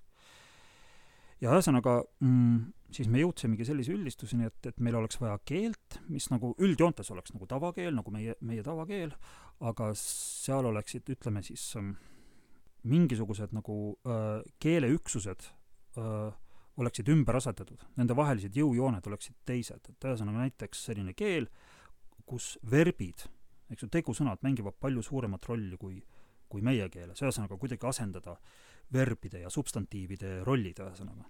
suudad sa näite ümber, tuua sellisest lausest? no Borgesel, Jorge, Luis Borgesel on ju see suurepärane novell sellest sellisest kujutluslikust maailmast nimega Tlönn ja, ja seal äh, tlönnis on siis ka selline keel, kus just verbid on hästi olulisel kohal. nii et ühesõnaga, kui tlönni keeles, eks ju, öeldakse, et äh, ah, ühesõnaga, kui meie keeles öeldakse, et kuu tõusis jõe kohale, siis äh, tlönni keeles kõlab see nii, et ülalpool taga püsivoolava kuutas. et ühesõnaga äh, sõna kuu ehk siis nimisõna on, on asendatud verbiga kuutama, eks ju, ehk siis kuu äh, peegeldab päikesevalgust ja see omakorda peegeldub maapinnale. ja ühesõnaga, et, et kogu see nagu seos, eks ju, see tegelikult, mis koosneb omakorda mitmest protsessist, on ju, et see, see, see seos on, on, on nihutatud lauses nagu tähtsamale kohale, mitte see objekt, kuu. et kuu ise ei mängi rolli, vaid kuutamine mängib rolli. ühesõnaga, ma ütlen, et see, see on tegelikult, ütleme tõesti selline ülesanne mm,, mis vajaks ikkagi väga paljude inimeste koostööd ja, ja väga, väga paljusid aastaid. aga iseenesest selle, selle üle on, on väga tore, tore mõelda. et, et teistsugune reaalsus, eks ju, mida meie empiiriliselt ei haara, sest meie keel on tekkinud, eks ju, empiirilise maailma kirjeldamiseks, empiirilise maailma peegeldamiseks ja mõtestamiseks, aga, aga milline peaks olema keel, mis peaks kirjeldama sellist maailma, mida me empiiriliselt ei haara ja mis ei vasta üldse meie empiirilisele maailmale. ja see, seetõttu ei saa ta ka ju vastata sellele keelele, mida me empiirilise maailma kirjeldamiseks kasutame. et sellisel juhul objekt ei oleks mitte see, mis ta on, vaid see, mis ta teeb? jah, no, no ütleme, et või ma nüüd püüan jah, sedasi väga lihtsalt sellest rääkida, et, et noh, mulle nagu tundub, et et see saade eh, võib esmapilgul paista äh, siis äh, sellise olukorrana või sündmusena, mille moodustavad Martin Kork ja Jan Kahus, eks. aga äh, see olukord ei saaks tekkida, kui ei tekiks midagi Martin Korgi ja Jan Kausi vahele. mis ühesõnaga tegelikult Martin Kork ja Jan Kausi selles olukorras määratleb. et ühesõnaga mul, mul on olnud alati, alati tunne, et, et võib-olla sellist nagu äh, kvantfüüsilist reaalsust võiks kanda mingil moel või mingil määral üle nagu inimestevahelistesse suhetesse, et teha selline, teha füüsikast noh, mida, midagi sellist eetikalaadset. sest see tähendaks ju seda, et, et tähtis ei ole sina või mina, eks, tähtis on see, mis meie vahel toimub mm. -hmm. tähtis on see miski, mis jääb meie vahele. vot ma olen alati toonud selle näite sellest Jasmina Reesa näidendist Kunst mida on Eestis ju mitu korda lavastatud. et äh, mina olen vist näinud kolme eri lavastust, jah. esimest korda vist Draamateatris, kui, no see on tehtud, eks ju, äh, seal on kolm näitlejat ja ma ei mäleta, kes seda lavastas, aga siis Tõnu Kark, äh, Lembit Ulfsak ja Ain Lutsap mängisid neid osasid ja kunagi Robert Annus tegi Ugalas seda naistega.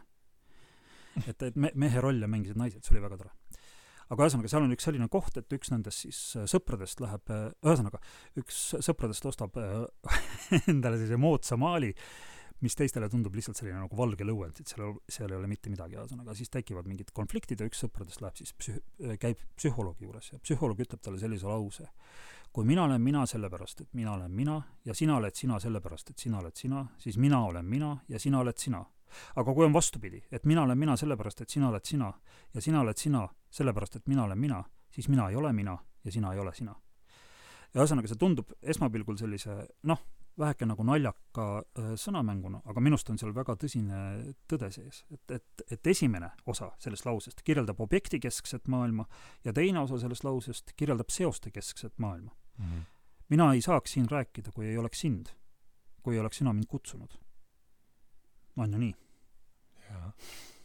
ehk siis selle äh, äh, minu ja sinu defineerib äh, mitte see, mis me oleme, vaid see mis meie vahel juhtub. mida me teeme ja.. jah. see on väga huvitav, et need äh, äh, see võib-olla ka aitab sellele, sellele kvantmaailmas kuhugi edasi jõuda, et meil üldse on võimalus neid igasugu metafoore luua, mis seda nagu arusaadavamaks teevad. see justkui viitab sellele, et, et äh, need protsessid, mis seal, seal all seal, seal sees, seal mini-mini tasandil toimuvad, et need on kuidagi sarnased nendele protsessidele, mis siin, kus meie oleme, toimuvad.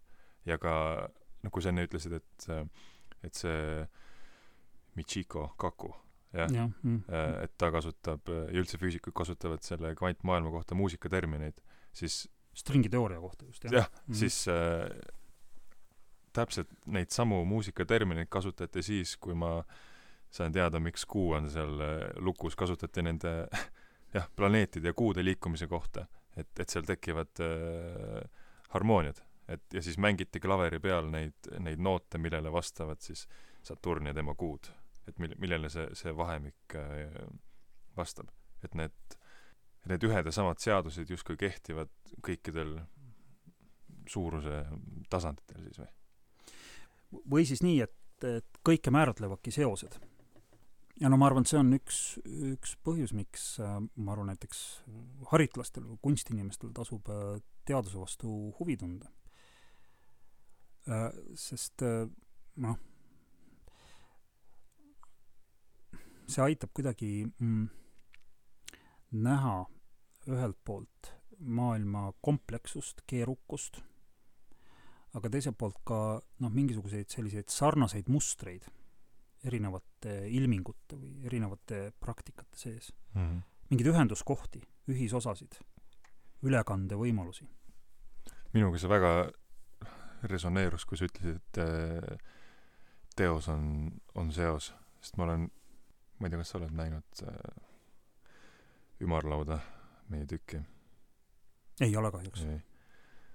Kuskil naljaga keegi, keegi siinsamas teatris küsis, et, et mis sa selle kohta siis ütleks, et, et mis, mis see tükk on. ja siis ma ütlesin niimoodi poolnaljaga, et see on äh, meistrid seoseid loomas.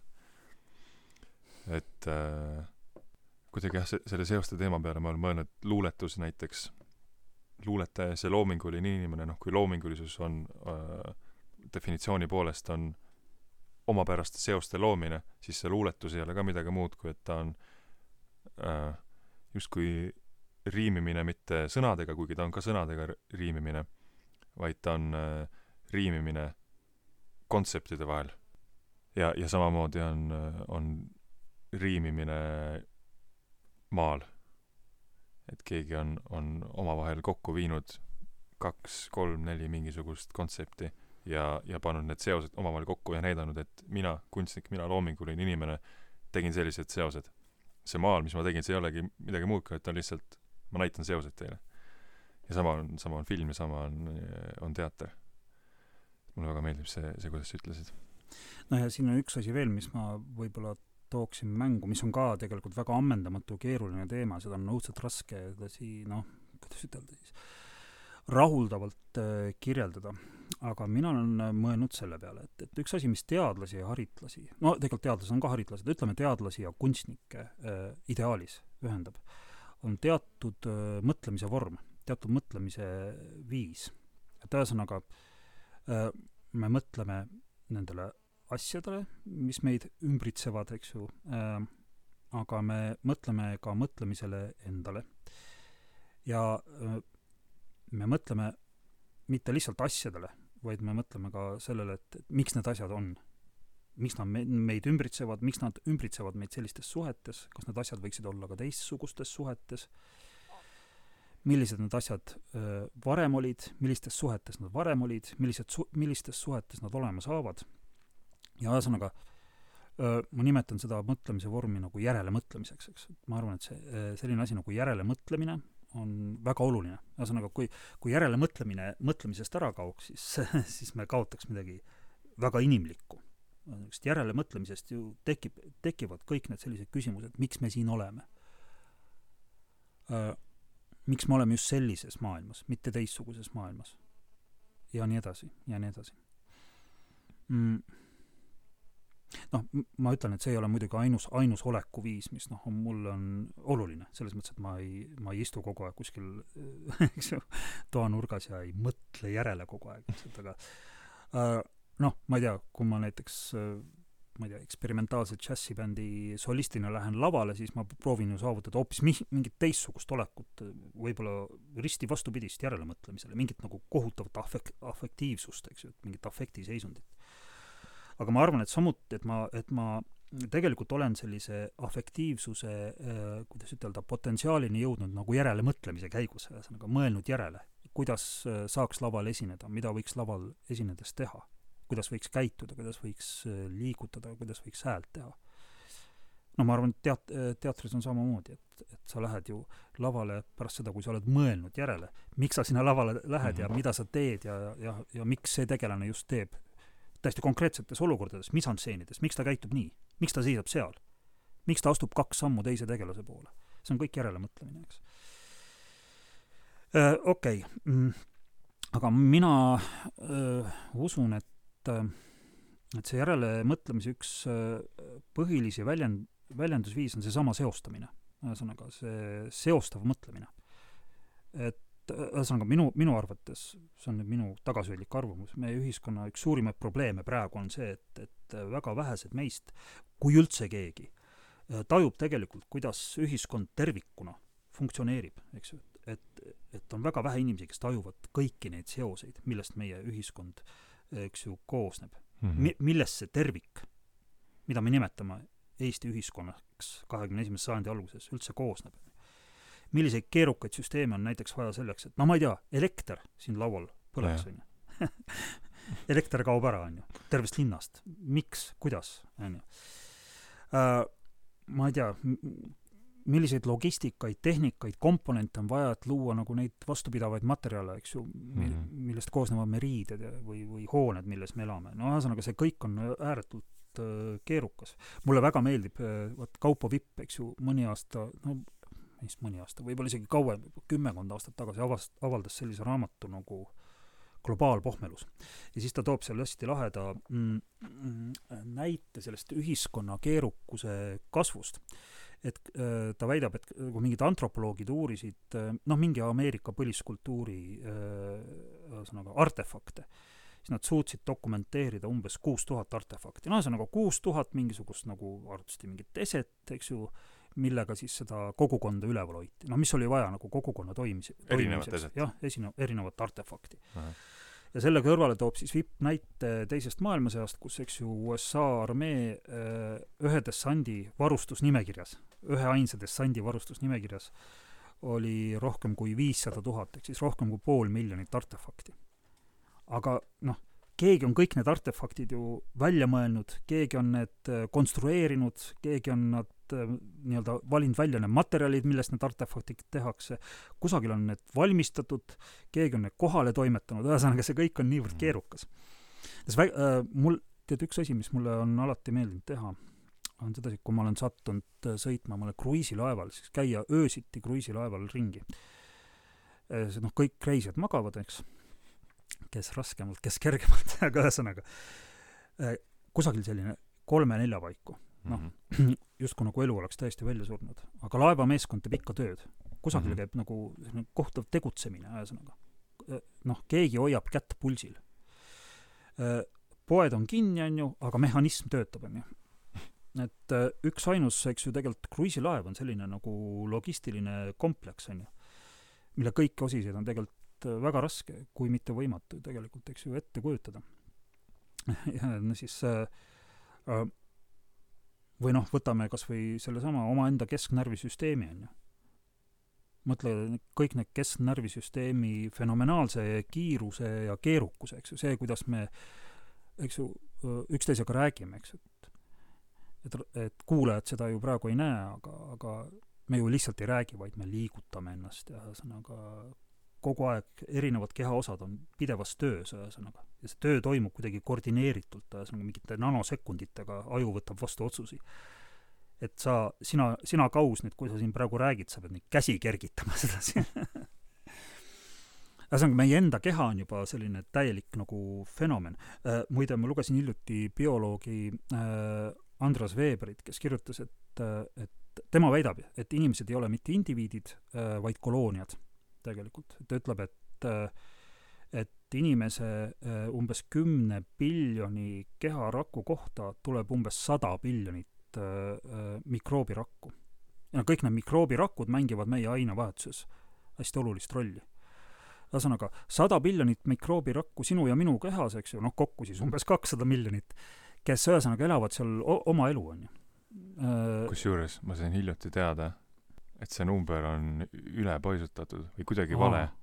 Okay. et, äh, et see kuskilt läks levima, et, et jah, et sinu kehas on äh, neid võõraid baktereid sinu sisikonnas on rohkem kui su enda keharakke. ja nüüd tuleb välja, et see suhe on pigem nagu nelikümmend, kuuskümmend. ja iga mm. kord, kui sa kui sa sisikonna ära tühjendad, siis see number läheb hästi palju alla.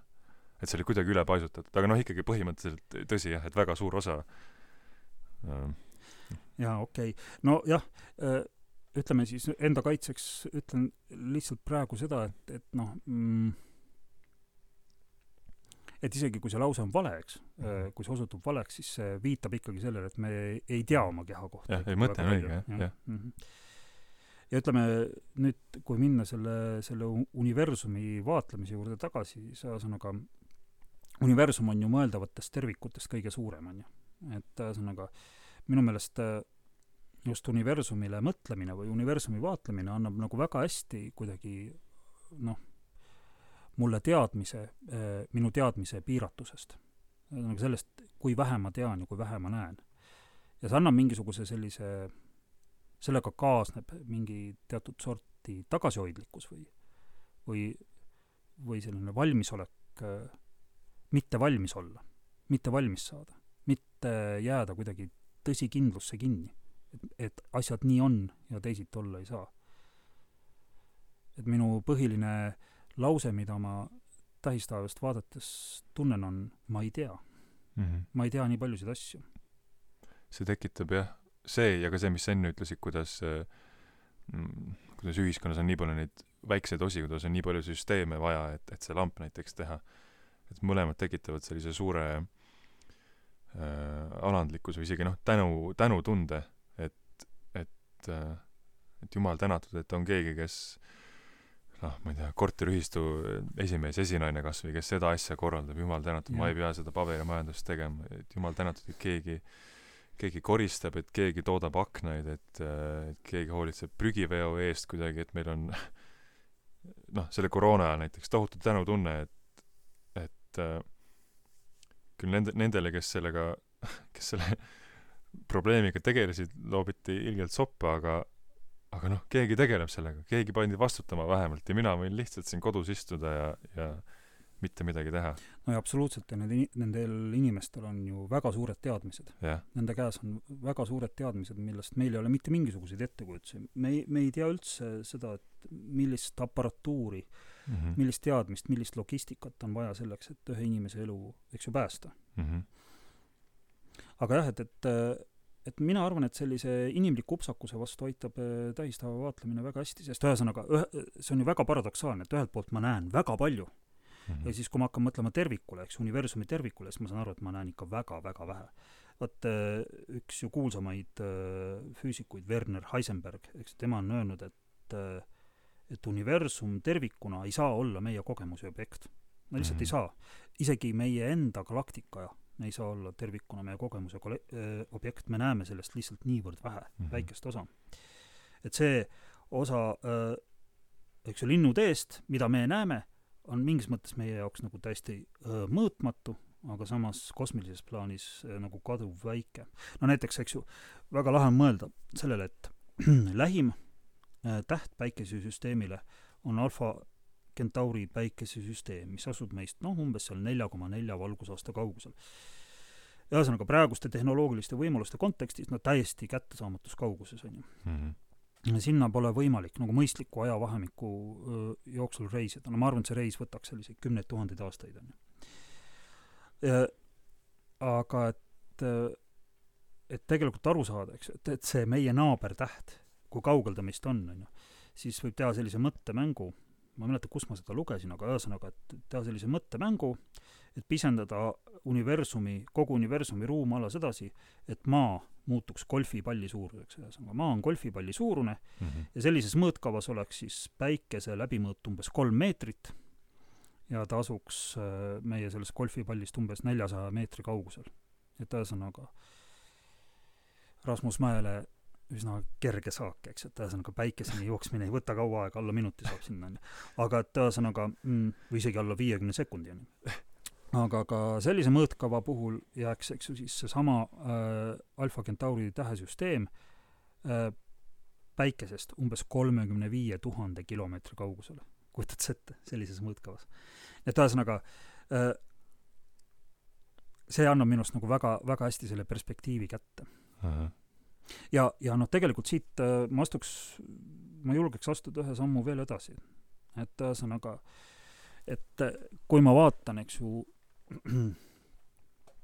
taevasse, öist tähis taevast, on ju, siis ma saan aru, et ma ei tunne tervikut, ma ei haara tervikut.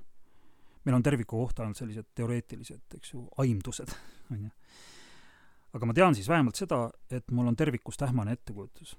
Et ma tean seda, et ma ei saa olla tõsikindel selles, kuidas ma maailma tajun. et võib olla nii, nagu ma usun, aga võib-olla ka teisiti. ma ei saa kunagi olla nagu lõpuni kindel ja no ühesõnaga kunstnik, kunstnikuna selle sõna kõige laiemas mõttes, peame ikkagi tunnistama, et noh, bioloogia ja füüsika tegele-, tegelevad selle suure terviku küsimustega. ja kusjuures mõlemad, eks ju, ulatuvad sealt enda piiridest nagu kaugele-kaugele välja. Et seetõttu mulle, mulle tundub, et ma ei saa, ma ei saa üldse aru, kuidas nagu järele mõelda püüdev inimene võiks praegusel ajal loodusteadusi äh, nagu eirata või vältida, sest loodusteadused tunduvad mulle praegusel ajal, ütleme, ma ei tea, kirjandusest, teatrist, kujutavast kunstist, filmikunstist palju loomingulisemad. no sorry, noh, kahju. aga nii on, selles mõttes, et, et need, need avastused, milleni seal pidevalt jõutakse, milleni on jõutud viimaste aastakümnete jooksul, et see, need on ikkagi väga, väga suured ja ka see äh, nõudlus äh, uute seoste loomise järele jah. on, on äh, no näiteks, vabandust, ma segan vahele, aga näiteks kui me mõtleme bioloogia peale, eks ju, see, kuidas praegu tehakse avastusi, no ma ei tea, taimede kommunikatsiooni äh, osas, on ju mm. -hmm. et äh, kuidas, et taimedel on siseelu, see tundub meile harjumatu, on ju. taimed on lihtsalt, noh, ma ei tea, mingid asjad mets on puit, mis tuleb nii-öelda äh, utiliseerida yeah.. aga kui ma loen nagu bioloogide kirjeldusi, eks ju, sellest, et taimedel on mingisugused väga-väga keerulised, väga nüansirikkad äh, nagu suhtlusviisid omavahel mm, -hmm. siis kui ma näen äh, lageraie äh, lanki, siis ma näen põhimõtteliselt puruks pommitatud linna mm. -hmm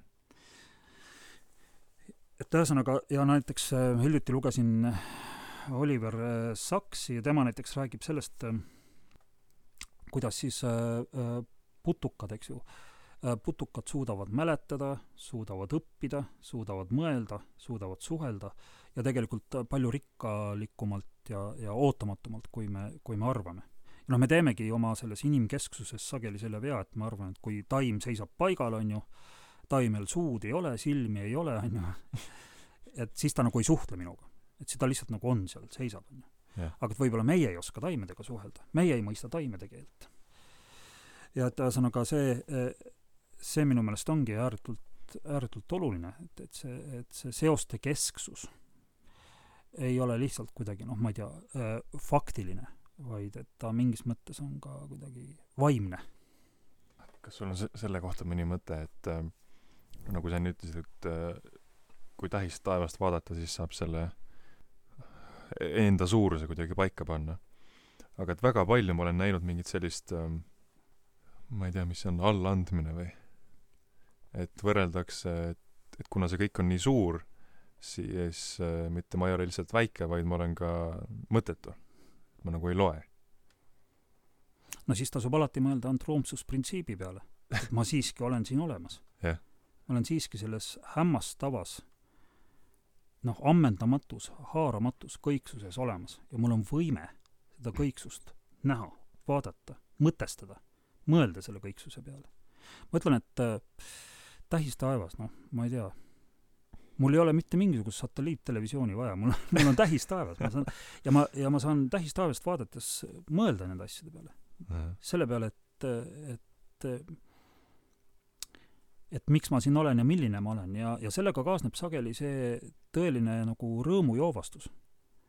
et äh, oleks võinud väga hästi minna kuidagi teistmoodi, oleks võinud väga hästi minna nii, et äh, päike on äh, pisut suurema läbimõõduga ja maa on talle pisut lähemal ja mm -hmm. oleks väga vabalt võinud minna nii, et ühel hetkel maa tuum jahtub ja ja magnetväli kaob mm. -hmm. oleks väga hästi võinud minna nii, et ma ei tea, gaasilised planeedid on Päikesele lähemal ja kiviplaneedid kaugemal ja seal on jälle liiga külm. igatpidi oleks võinud minna. aga ei ole läinud, me oleme elus. ja see on, see, see ongi huvitav, et, et elu ise on ime, ühesõnaga. elus olemine on ime, see, et ma olen elus, on ime. ja kui me nüüd va-, läheme korraks selle teleoloogilise antroopsusprintsiibi juurde tagasi, siis see, selles vaates võib väita, et elu ei ole ainult imeline, vaid et ma saan seda inimelu öö, ka täiustada. ühesõnaga, eks ju, et ma saan seda inimkonna fülogeneetilist öö, öö, siis liikumist oma ontogeneesiga täiendada. mis tähendab siis seda, et ma saan oma potentsiaali öö, võimalikult hästi aktualiseerida. minu ülesanne on, on oma potentsiaal võimalikult hästi aktualiseerida mitte noh, ütleme siis, kasutame Friedrich Nietzsche väljendit, et mitte rahulduda piskuga. ükskõik, ükskõik, kas, kas see, see piskuga rahuldumine toimub, ma ei tea, mingis kosmilises plaanis või, või mm, -hmm. või keskkondlikus plaanis või ühiskondlikus plaanis, et ma oleksin äh, tähelepanelik äh,, et ma oleksin äh, tundlik maailma suhtes. et ma tunneksin kogu aeg, et alati on midagi veel, alati on veel võimalik kuhugi jõuda, alati on veel võimalik midagi teada saada, alati on võimalik veel midagi avastada. üks, ükskõik siis kas kosmosest, ühiskonnast, teistest inimestest. ma ei tunne iseennastki, eks. kus ma võin väita, et ma tunnen teisi inimesi või ma tunnen, ma ei tea Tartu iga nurgatagust ma ei tunne. aga see ei mõju mulle kuidagi pärssivalt vaid just innustavalt. nii palju on veel juurde, noh, ütleme juurde õppida mm. -hmm. õppimine, ütleme, ma olen seda kunagi öelnud, et õpe ei lõpe. et ühesõnaga, et, et, et ma võin e-, elu viimase hetkeni õppida, ju-, juurde uurida, juurde küsida. ütleme, küsimises püsida mm. -hmm. no üks selle, selle asja mõte siin on, ongi suunata seda loomingulist ressurssi siis Äh, kes on kunstis kinni, suunata sinnapoole, nagu ma ütlesin, kus, kus see nõudlus äh, heade seoste loojate mm, järele on, on väga suur, siis teadusesse. oota, vabandust, ma korraks selle segan, aga mm -hmm. ma Mhm. mõtlen, ma ei tea üldse, kas on keegi kunstis kinni, et, et, et kui inimene arvab, et ta, et ta on kunstis kinni või teda huvitab ainult kunst, siis ma ei julge öelda, et, et see nii on, sellepärast et, et tahes või tahtmata me haarame maailmaga äh, nii-öelda väljaspool kunsti. ühesõnaga, kui nüüd lihtsamalt öelda, siis mina ei oska üldse ette kujutada, kuidas ma saaksin ülepea luua, eristades kunstisisest ja kunstivälist.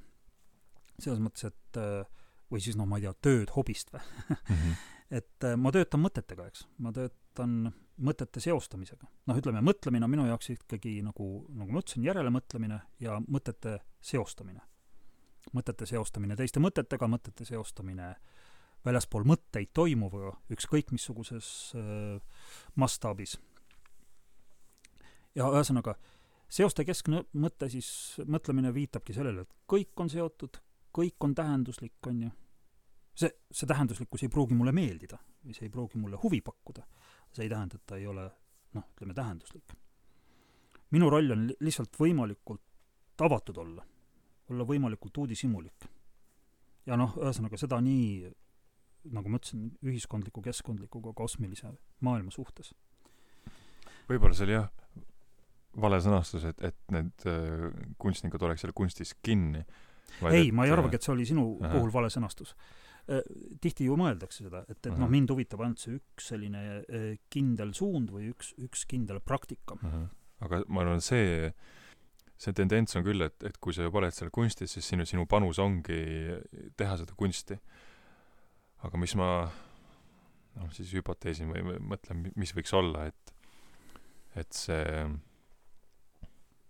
julgus, kui sul on potentsiaali, siis äh, panustada ka väljaspool kunsti, sest paljudel see huvi ongi, aga ei ole mingit mehhanismi, et kui kellelgi tuleb äh, hea mõte mingil teisel alal, kus ta ei ole, kus teil ei ole ülikooli diplomit, aga see on hea mõte, et siis kuidas, kuidas see mõte käiku saada. siis ma küsingi, et kas sul on äh, lugedes nii palju, kui sa oled lugenud ja, ja uurides, on sul oma huvide alal äh, tulnud mingisugune mõte, mis sa leiad, et on sinu originaalne hüpotees või sinu teooria?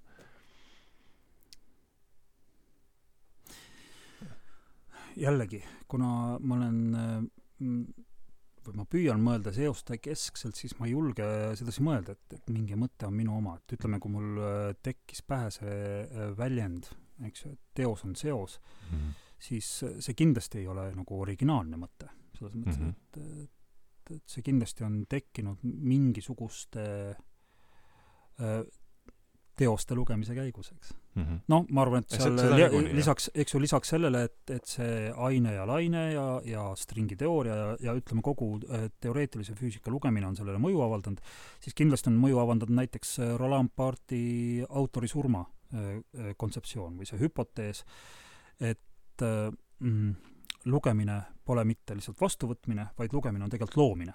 lugemine on kõige vaiksem, aga samas kõige võimsam loomisakt üldse.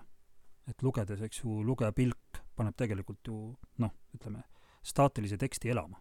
lugeja loob seda, seda maailma, mida ta loeb et ühesõnaga sellele minu meelest kogu see autorisurma kontseptsioon öö, viitab ja seegi näitab jälle, et, et tähtis ei ole mitte nagu see objekt, raamat, või teine objekt, lugeja, vaid see, mis toimub raamatu ja lugeja kohtumisel. see seoste võrgustik, mis tööle hakkab. noh, sellist mõtet ei saagi olla, mis ei oleks kellestki teisest, eks ju, mõjutatud mm. -hmm. vaid et ongi, et kas sul oled sa kas või noh, füüsikaalast näiteks populaarteaduslikku kirjandust äh, lugedes, oled sa viinud kokku mingid kaks asja, et oot-oot, kas, kas nende vahel ei saa midagi olla? või on sul tulnud vähemalt kas või mingi, mingi küsimus, mida sa oled hakanud, millele sa oled hakanud vastust otsima ja oled näinud, et, et seda ei olegi veel küsitud või, või uuritud, ehk siis ole, oled sa mingil moel ähm, panustanud sellesse kunstivälisesse, sellesse teaduse maailma siis mm? -hmm nojah, ma arvan, et ma olen sellele tegelikult juba mingil moel, ma hakkan, arvan, nagu vastanud tänase vestluse jooksul.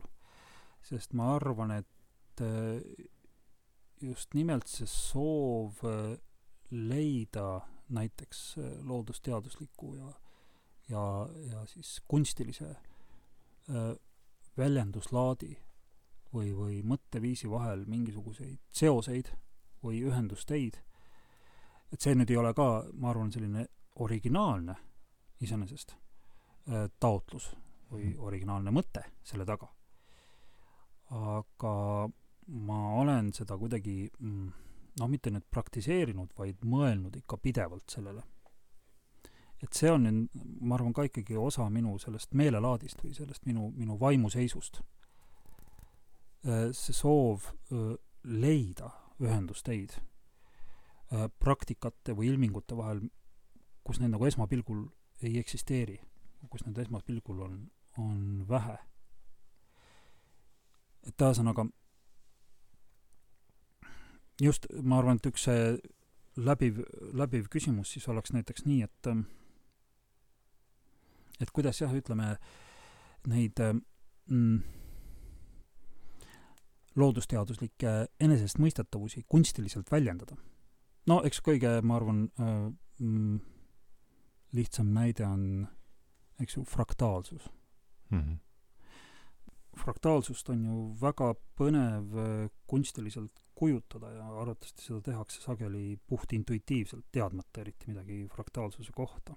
sest noh, loodus, looduses esineb fraktaalsust lihtsalt äh, nõnda palju mm. -hmm. ja eks ju see üks fraktaalsuse siis põhiomadusi on see enesesarnasus, eks ju, et, et mingisuguse objekti või nähtuse osa meenutab tervikut või, või sarnaneb tervikule või jäljendab tervikut. No mulle väga meeldib see, et ka ostsin ühe Äh, füüsiku Jim Holti raamatu ja ta hakkas äh, rääkima lillkapsast, siis ma olin hästi rõõmus, et, et näed, et teadlane räägib mulle lillkapsast, on ju, noh, ja just, eks ju, lillkapsa tervik, ütleme, iga lillkapsa see väikene osa meenutab, eks ju, tervikut, et on sarnane, et ühesõnaga iga osa meenutab välimuselt tervet lillkapsapead, ja minu arust nagu lillkapsapea on üldse üks ilusamaid asju maailmas, et ühesõnaga ja, ja jällegi täiesti müstiline, et seda, seda ilu, on ju saab osta turult paari euro eest, eks yeah.. aga noh, ma ei tea, selleks, et Mona Lisat näha, pead sa, ma ei tea, mitu tuhat eurot huugama panema. et ühesõnaga, äh, kui vaadata, kui tahta ilu näha, siis lihtsalt tasub osta lill kapsast ja, ja seda, seda vaadelda. aga noh, muidugi, eks ju, fraktaalseid äh, asju on maailm täis, eks ju, puud, pilved, rannajoon ja seetõttu, eks ju, see fraktaalsus kui noh, selline matemaatiline või geomeetriline nähtus, seda väga põnev, eks ju, kunstiliselt, kunstiliselt kujutada. aga kuidas leida veel neid mingisuguseid äh, viise, äh, nii-öelda teaduslikke teadmisi kunstiliselt kujutada? et me oleme väikese seltskonnaga sellega juba nüüd äh, osaliselt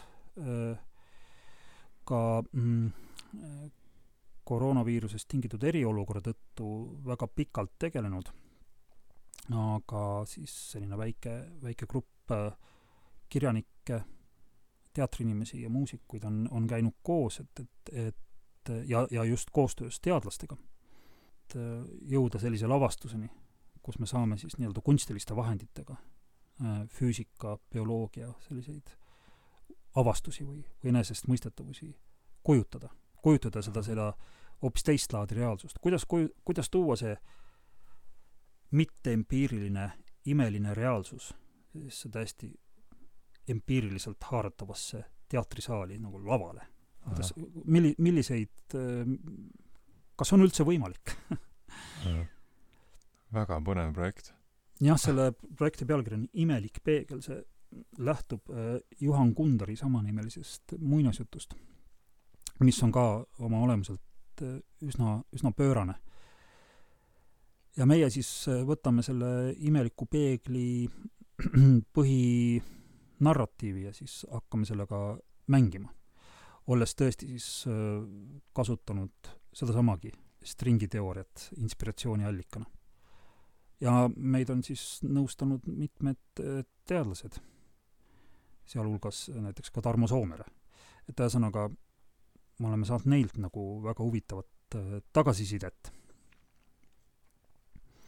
ja no ma arvan, et see on üks, üks selline väikene, esialgne katse tõlkida äh, nagu ühe sellise praktika teadmisi teise praktika keelde mm. -hmm. et see on ju tegelikult tõesti tõlkekatse. mänguline tõlkekatse, loomulikult. no see on, ma arvan, hädavajalik ka, sest praegu, kui sa ütlesid näiteks Tarmo Soomere no mul pole õrna õrna aimu ka, kes see on. ja et need ma loodan, et Tarmo Soomerest saab järgmine Eesti Vabariigi president et, äh, et need teadlaste nimed ei ole noh, vä-, väga harva saavad nagu üldtuntuks. et kunstnikud saavad kuulsaks. aga et see justkui on nagu mingi katse, et kui, kui õnnestub panna see noh, see on ilmselt sama asi, mida Youtube ka natuke teeb, aga kui õnnestub panna see tõl-, tõlkida, täpselt see, mis te üritate, tõlkida see teaduslik tõsiasi nagu kunstikeelde kuidagi, et siis see läheks levima ka, nagu kunst lähe-, praegu levib. et eks seeläbi noh, igal pool karjutakse kogu aeg, et et meil, miks on need Kardashianid näiteks kuulsad, kui kuulus võiks olla hoopis see kellest on kasu, kes noh, tegi mingi vaktsiini, leiutas mingi mootori või mis iganes see on väga tänuväärt asi. just, just täpselt niisugune asi ongi, ongi, ongi puudu. suur tänu! jah, mis, mis võimaldaks äh, seda praktilist teadmist või mis te- tekitaks isu saada seda praktilist teadmist, sest see on lihtsalt selle kunstikapsli sees või kuidas no just ja kuidas siis kuidas siis muuta näitleja stringiks. Et selles mõttes ma arvan et see on selline lavakunstikooli sisseastumise eksami ülesanne. Näitle meile palun stringi. Aga et ühesõnaga äh, või noh näiteks et kuidas kujutada laval lõpmatust? No ma saan aru et lõpmatus on jällegi selline nagu teoreetiline kategooria suuresti eks ju. Äh, äh, samuti ka väga huvitav keeleline äh, väljend. Aga sellegipoolest kuidas äh, kuidas kujutada lõpmatust sest lõpmatusega ka kaasnevad erinevad paradoksid. Nii et see kõik on olnud äh, ääretult äh, ääretult inspireeriv ääretult keeruline ääretult raske meeleheitele ajav aga see on selline rõõmus meeleheide.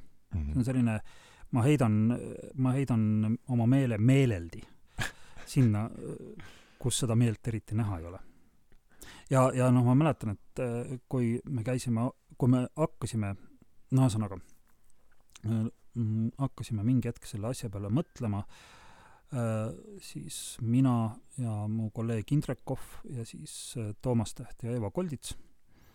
Äh, pärast seda kui me olime mõned aastad äh, tegelenud äh, lavastusega stiiliharjutused siis me hakkasime mõtlema et võiks veel midagi muud teha ja siis mina pakkusin välja et äkki prooviks. Äh, väljendada siis äh, teaduslikke tõsiasju kunstiliste vahenditega ja siis äh, me käisime paar korda külas Kaido Reiveltil kes on siis füüsik äh, äh, kes omakorda mind kutsus kunagi Teaduste Akadeemiasse Eesti füüsikapäevale esinema. Ja ühesõnaga sealt siis see protsess hakkas pihta et Kaido mm, ühesõnaga mängis väga olulist rolli selles et see asi ülepea liikuma hakkaks sest ka tema tajus või vähemalt väljendas seda et et selline äh, noh katse ühe valdkonna teadmisi teise valdkonna keelde üle kanda on ääretult oluline sest ega teadlased ma arvan neil on ka ju sellised ütleme eksistentsiaalsed probleemid et kuidas nagu kuidas kirjeldada kuidas põhjendada kuidas õigustada ühiskonnale seda mida nad teevad Mhm. milleks on ma ei tea milleks on äh, tume energia uurimine oluline? Mhm. kas aitab mul kuidagi leiva lauale tuua? Võiks sedasi küsida. Aga noh jällegi mina arvan et et need ülekanded on võimalikud sellepärast et tume energia jällegi ka metafoorina on väga väga kõnekas. Meie kõigi elus on väga palju tume energiat eks ju. Noh nagu öeldakse kosmoseruum üldiselt jaotub jaotub nii et see aine millest meie koosneme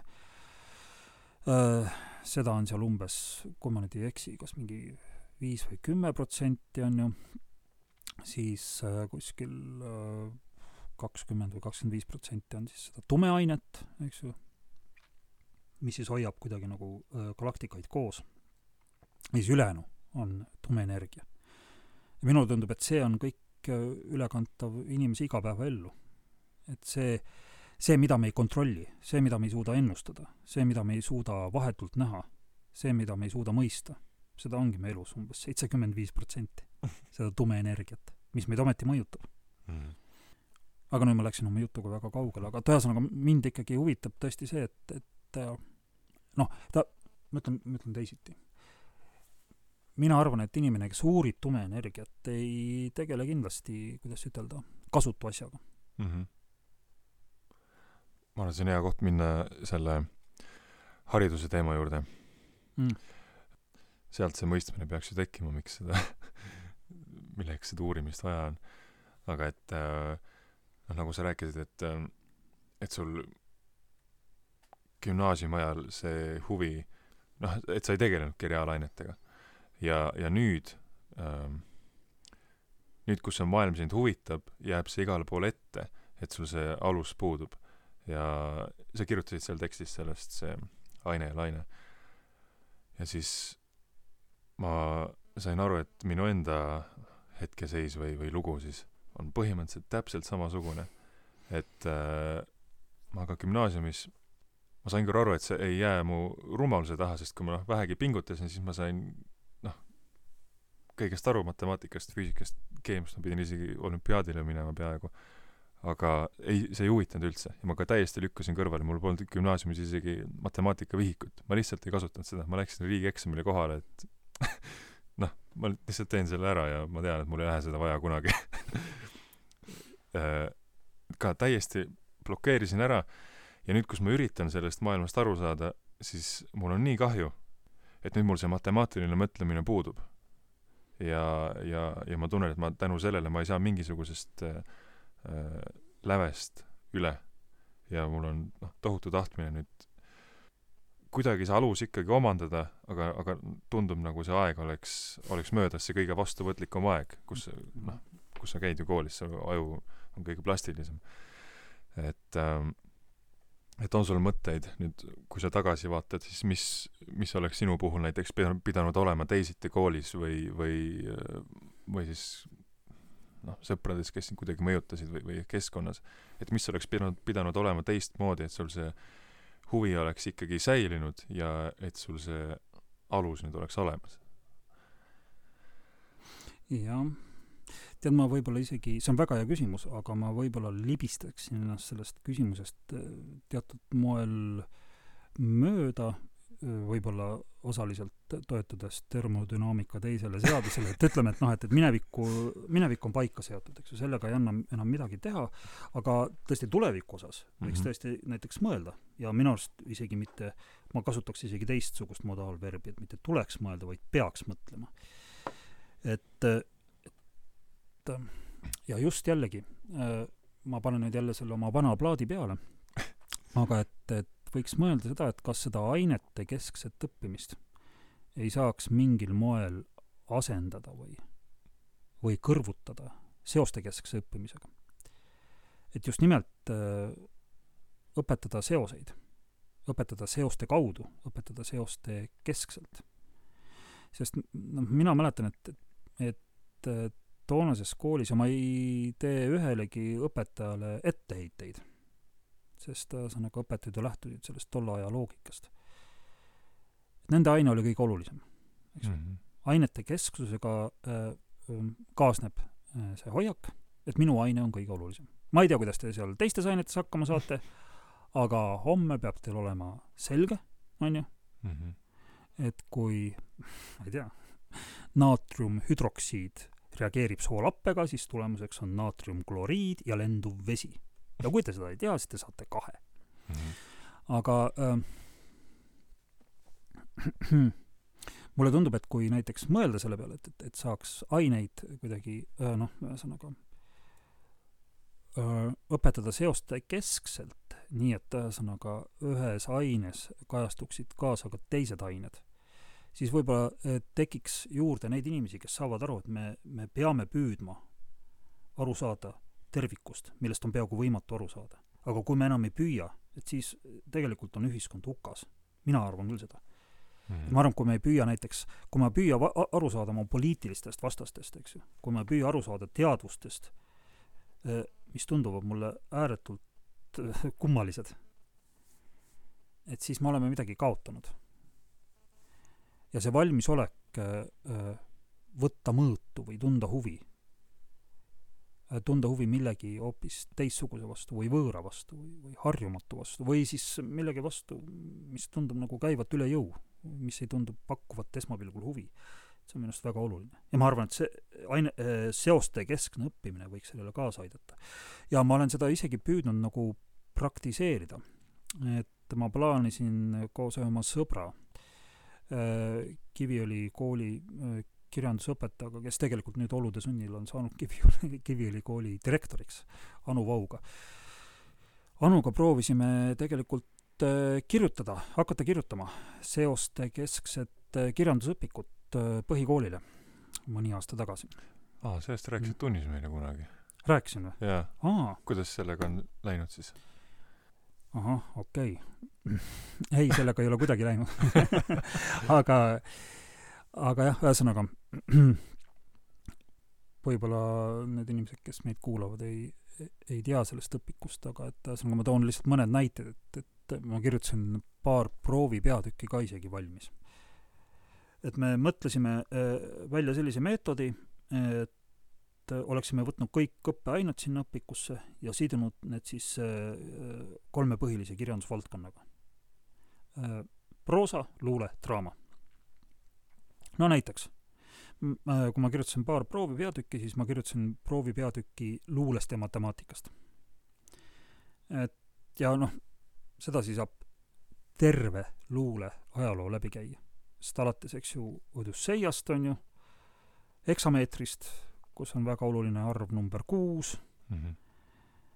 Dante jumalikus komöödias, eks ju, on läbiv arv kolm, eks ju, seal on kolm osa äh,, igas osas on kolmkümmend kolm laulu mm,, iga laul koosneb kolmerealistest värssidest, eks, tertsiinidest ja sedasi saaks äh, tegelikult käsitleda paljusid luulevorme, eks ju, ma ei tea äh,, alates seal sonetist, eks ju, kus mängib olulist äh, rolli number neliteist, kuni, eks ju, tanka ja ütleme, kogu selle Jaapani sellise äh, tanka ja noh, ütleme teiste vaka äh, vormideni. Aga noh, ka hilisema renga ja haikuni välja, kus, eks ju, väga olulist rolli mängivad sellised paaritud arvud nagu viis ja seitse. ühesõnaga, et see võib-olla on selline äh, elementaarne, aga sellegipoolest, eks ju, äh, inimene, kes, kes võib-olla huvitub luulest, saab aru, et okei okay,, et äh, luules on läbi ajaloo olnud ääretult oluline matemaatika. et vaba värss tegelikult tähendabki seda, et, et luule lastakse matemaatik-, matemaatika survest vabaks, on ju. Mhm. et vaba, vaba värsis ei ole mingisugune matemaatiline printsiip, printsiip enam oluline. Või teine näide, proosa ja geograafia, et noh, paljude romaanide äh, jutustuste nagu seotus konkreetsete paikadega. ja mäletan, ma kirjutasin siis artikli ühest konkreetsest raamatust, eks ju, mm, ehk siis Jules Verne'i äh, Kapten Granti lastest. ma ei tea, kas sa oled lugenud seda või ah,? see on jube lahe raamat äh, lihtsalt selle tõttu, et ühesõnaga, no äh, raamatu käivitab, eks ju, pudelpostiga tulnud kiri, mis on kirjutatud inglise, prantsuse ja saksa keeles. kõik kirjad on saanud väga palju kahjustada ja, ja ainus asi, mis sealt nagu konkreetsem asi, mis sealt läbi, välja loetakse, on laiuskraad siis laiuskraad, eks ju, kolmkümmend seitse kraadi, üksteist sekundit lõunalaiust. ja siis terve see ekspedi-, terve siis see seltskond hakkab siis seda laevahuku üle, ütleme siis jah, siis nagu neid laevahuku ohvreid otsima sedasi, et nad hakkavad liikuma mööda kolmekümne seitsmendat laiuskraadi üheteistkümnendat sekundit. alustavad siis sealt praegusest Argentiinast kusagil ja siis liiguvad edasi. satuvad Austraaliasse, Okeaania saartele ja ühesõnaga, see on minu arust ere näide sellest, kuidas, kuidas üks proosateos toetub geograafiale mm. -hmm. et ühesõnaga sedasi näiteks seoste keskselt saaks aru, et okei okay,, et äh, ma olen küll kirjanik, ma olen tähtis kirjanik aga oleks väga tore, kui mul oleks mingisugune ettekujutus, eks ju, geograafiast. mina olen oma teostes väga palju geograafiat kasutanud, mitte ainult selle tõttu, et ma olen palju Tallinnast kirjutanud, aga näiteks ma mingi hetk hakkasin täiesti spontaanselt uurima selliseid maailma kõige üksildasemaid äh, saari ja saarestikke. siis mm -hmm. mäletan, kui mul ilmus aastal kaks tuhat seitseteist romaan Kompass, siis ma ühe tegelase panin sinna elama Kergueleni äh, saarestikule, mis asub sedasi seal kuskil Antarktika külje all lõuna, India ookeani lõunapiirkonnas. kuulub Prantsusmaale. nii et ühesõnaga mm, see on üks võimalik äh, vastus, just seesama äh, seoste keskse mõtlemise läbiv sidus, ma ei tea, metoodiline praktiseerimine. Ma kujutan ette, et kui seda praktiliselt korraldada, siis noh, kui see õpiku kirjutamine jäi, eks ju, unarusse, see võib, võib üldse takistuseks osutuda, et, et nüüd ma pean kogu selle haridussüsteemi nagu ümber mõtlema nüüd või et see on noh, hästi suur tegemine, aga ma kujutasin ette, et kui suur kasu oleks näiteks olnud sellest, kui mingi ainetunni ajal oleks teise aine õpetaja kas või klassis istunud ja iga kord, kui ta on oma ainega mingi seose loonud, siis kas või noh, öelnud, et vaat see on see asi, ma ei tea, oled kehalises kasvatuses ja ja ja siis seal on bioloogiaõpetaja ja ja ütleb midagi no loomulikult, absoluutselt. jah, ma ei tea, tasakaalu, mik-, miks keha tasakaalupunkt on seal, kus ta on või miks rasv hakkab kasvama sinna, kus ta on või või miks meie saame hüpata või ja, ja see loom ei saa või noh, et, samamoodi saab jah. tulla füüsikaõpetaja, samamoodi saab tulla keemiaõpetaja. miks, miks mitte ka kirjandusõpetaja, kui näiteks, ma ei tea, on korvpallitreening ja siis võtab kätte Mihkel Tiksi korvpalliromaani ja loeb sealt midagi, no uh -huh. noh, ütleme moodsas keeles, mida iganes. et see ei nõuaks no, valikuvõimaluste hulk on nagu ammendamatu. see ei nõuaks üldse suurt äh, noh, tervet haridussüsteemi ümbertegemist, vaid see on võib-olla mõne õpetaja isegi isiklik selline jaa, no tegelikult ma ütlen, ma ei taha kuidagi liiga teha äh, õpetajatele, sest ma tean, väga paljud õpetajad kasutavad selliseid seostekeskseid meetodeid mm. -hmm. et ühesõnaga, ma arvan, et see seoste kesksus äh, tasapisi ajab juuri mm. -hmm. et ühesõnaga, et, et ega mina ei räägi jällegi mingis vaakumis või see ei ole minu nagu leiutis. aga asi on õhus selles mõttes, et, et kui, kui üks kirjandusõpetaja, üks kirjanik tajuvad nagu vajadust öö, kirjutada öö, nagu avatud õpik, eks, õpik, mis räägib kirjandusest kõikide teiste ainete kaudu mm. -hmm. et siis see tähendab, et, et, teema on muutumas tasapisi üha akuutsemaks mm. -hmm mõtle, me ei jõudnud jah, kahjuks selles mõtlemises väga kaugele, sest meil jäid nagu läbirääkimised kirjastusega pooleli. me sedasi poolnaljatamise mõtlesime, et noh, et kuidas siis teha, et luule ja kehaline kasvatus ja draama ja, no ütleme, draama ja kehaline kasvatus, seal ei oleks raske leida seoseid. aga luule ja proosaga peaks võib-olla rohkem, rohkem pingutama, aga kindlasti leiaks mingi väga laheda seose, ma olen selles täiesti kindel.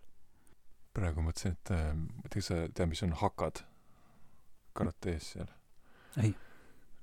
ma ise ka päris kindel ei, ei, ei ole, aga need on sellised, noh, et, ette määratud need liigutuste, noh, mis igal pool filmides tehakse, ilma vastaseta lihtsalt teed seda läbi.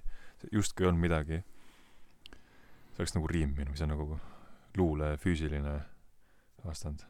jaa, see on väga hea mõte, eks ju. mingi teatud rütm, rütmistatud tegevus, keharütm mm.. kas sa suudaksid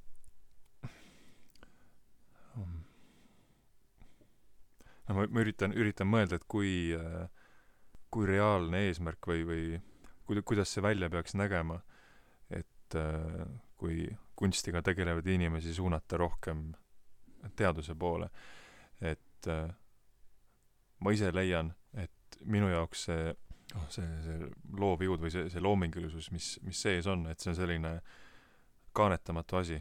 et, et seda ei saa välja lülitada ja, ja, ja noh, minust ei saa saada see inimene, kes, kes pühendab oma elu noh, näiteks tähevaatlusele kas või kuigi see mind üliväga huvitaks äh,, siis ma ei saa teha ainult seda, ma pean tegema, et ma ikkagi pean tegelema selle klassikalise loominguga. aga kas sa tunned samamoodi, et kas sa saaks, kui sul oleks nüüd võimalus täiskohaga astronoomiks hakata, kas sa suudaksid seda teha? Ei, kindlasti mitte, sest ma, noh, ma ütlen, et äh, mul puuduvad selleks lihtsalt äh, vajalikud teadmised. ja tegelikult ma pean sulle tunnistama, et mulle meeldib olla selline mm, olend äh,, kes asub kuidagi nende praktikate vahel ühesõnaga, et mulle meeldib liikuda äh, ühest praktikast teise. noh mm -hmm., ma enamasti liigun, eks ju, kunstiliste praktikate vahel aga ka see ei ole minu meelest nagu väga levinud, et ühesõnaga äh, ma, ei ma ole levinud? no ütleme, et äh, seda esineb üha sagedamini, üha rohkem. sest ma just mõtlengi, et äh, mulle tundub, et see ongi väga loomingulise inimese omadus, et ta ei saa jääda ühe asja külge kinni. ma üritan järele jõuda, kas, kas see on tõsi? Nojah, mulle jällegi tundub, et, et, et loominguline inimene saab mõelda, et ma pean seda oma asja väga hästi oskama, ma pean selles olema filigraanne, ma pean selles olema äh, mm, noh, kui mitte kõige parem, siis igatahes arvestatav jõud mm. -hmm. ja ma ei saa ennast killustada erinevate asjade vahel. aga no mina olen läinud hoopis teist teed pidi. ma hüüangi iseennast naljatlevalt äh, professionaalseks võhikuks et ma äh, kill-, no minu elu ongi selles mõttes äh, killustunud mm. -hmm. aga kui ma loe, loon mm, nii-öelda mm, ühendusteid nende kildude vahel, siis sellest kildu, nendest kildudest ju tekib lõpuks mingisugune pidevus või mingisugune mm -hmm. midagi freskolaadset või, või, või, või midagi vitraažilaadset. et äh, mina ei oskagi enam teistmoodi elada, et ma noh, ma ei kujuta ennast ette elamas ainult kuidagi nagu kirjandusele või või elatumas ainult kirjandusest mm. -hmm. või ühesõnaga, minu jaoks üldse kirjandus oma olemuselt on juba väga avatud. et äh, seetõttu mulle meeldibki teha koostööd äh, nagu teistsuguste inimestega, teise valdkonna inimestega. mis on viinud mind üleüldse mõttele, et minu jaoks ei ole tähtis isegi mitte niivõrd nagu kirjandus kui selline eraldiseisev praktika, noh, mis on ka ju tegelikult väga selline kihiline ja, ja ammendamatu. aga midagi laiemat, mida ma nimetaksin kirjanduslikkuseks ja seda kirjanduslikkust leiab igalt poolt ja seda tegelikult läheb inimestel üsna palju vaja. ma arvan, et kirjanduslikkust läheb vaja mm, erinevates olukordades. Pealtnäha täiesti ebakirjanduslikes olukordades, täiesti kunstivälistes olukordades. näiteks see, kuidas teha ennast selgeks teisele inimesele, kuidas kirjutada teisele inimesele kirja mm, -hmm. kuidas pidada, ma ei tea, kellegi juubelil kõnet. sellistes olukordades, selliste dilemmade ees hakkab kohe mängima väga olulist rolli kirjanduslikkus, ehk siis see, kuidas asju öelda. noh, ma jällegi, ütleme, minu nõrkus on see, et mulle meeldivad suured üldistused. Ja üks suur üldistusi minu jaoks on see, et tähtis ei ole ainult see, mida ma räägin või et ma ülepea räägin, vaid tähtis ennekõike on see, kuidas ma neist asjadest räägin. ja see kuidas küsimus on seotud vägagi kirjanduslikkusega. kuidas asju väljendada. kuidas öelda võimalikult täpselt, kuidas öelda olenevalt äh, kontekstist, eks. Iga tekst on osa mingist kontekstist, iga tekst tekib mingisse konteksti ja loob mingit konteksti. et see kuidas küsimus on mulle ääretult, ääretult oluline ja mina arvan, et see ei ole lihtsalt kirjaniku küsimus. see, see on küsimus äh, mm, mis äh, tabab erinevaid inimesi erinevates öö, olukordades. ja seetõttu näiteks ma arvan, ma üha rohkem tegelen kuidas ütelda siis, sellise keelelise abistamisega. et ma isegi äh, koos oma sõbra jällegi õpetajaga mm,, Liis Reieriga, asutasime isegi sellise firma nimega Sõnasilm, mis äh, noh, ühesõnaga, mille eesmärk ongi anda inimestele sõnalist või keelelist abi vajadusel. kuidas see, kuidas see välja näeb siis? no näiteks äh, just äh, täna hommikul üks helilooja pöördus, pöördus minu poole, ta tahtis teha ühest sellisest aimetekstist mm, ütleme, luulelisemat versiooni ja palus minu abi. ja ma aitasin teda no näiteks selline näide. aga ma arvan, et, et äh, jällegi, siin on neid äh, võimalusi ammendamatul hulgal. Miks mitte, kui keegi näiteks tahab kirjutada kõnet, siis ta võib minult nõu küsida.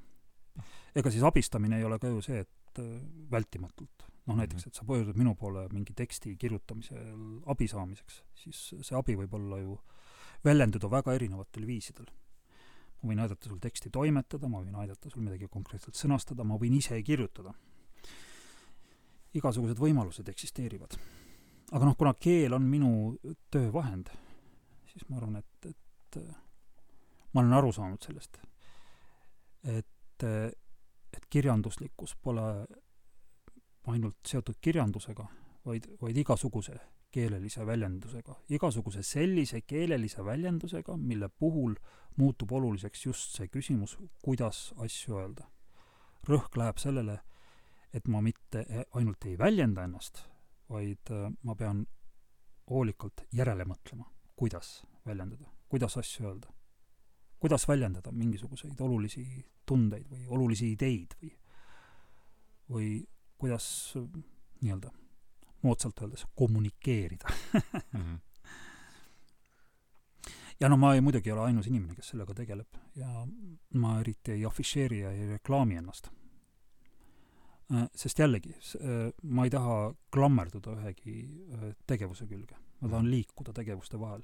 ma tahan olla vaba, eks ju, ma tahan ühesõnaga liikuda ühte kohta, sealt jällegi kuhugi mujale, et mhm. mul oleks võimalikult lai tunnetus vot selle, selle tegevuste vahel liikumise või selle killustatusega kaasneb see noh, vastuolu sellega, kuidas, kuidas ennast ära elatada. et meil on tavaliselt, et, et jõuda mingil alal sellises, sinnamaale või, või sellisesse positsiooni, kus sa suudad seda, selle alaga tegeledes end ära elatada, selleks on vaja üs-, üsna kaugele liikuda ja sellega noh, pidevalt nagu tööd teha, aga tead, ma ühe asja veel lisan, mul kargas praegu meelde.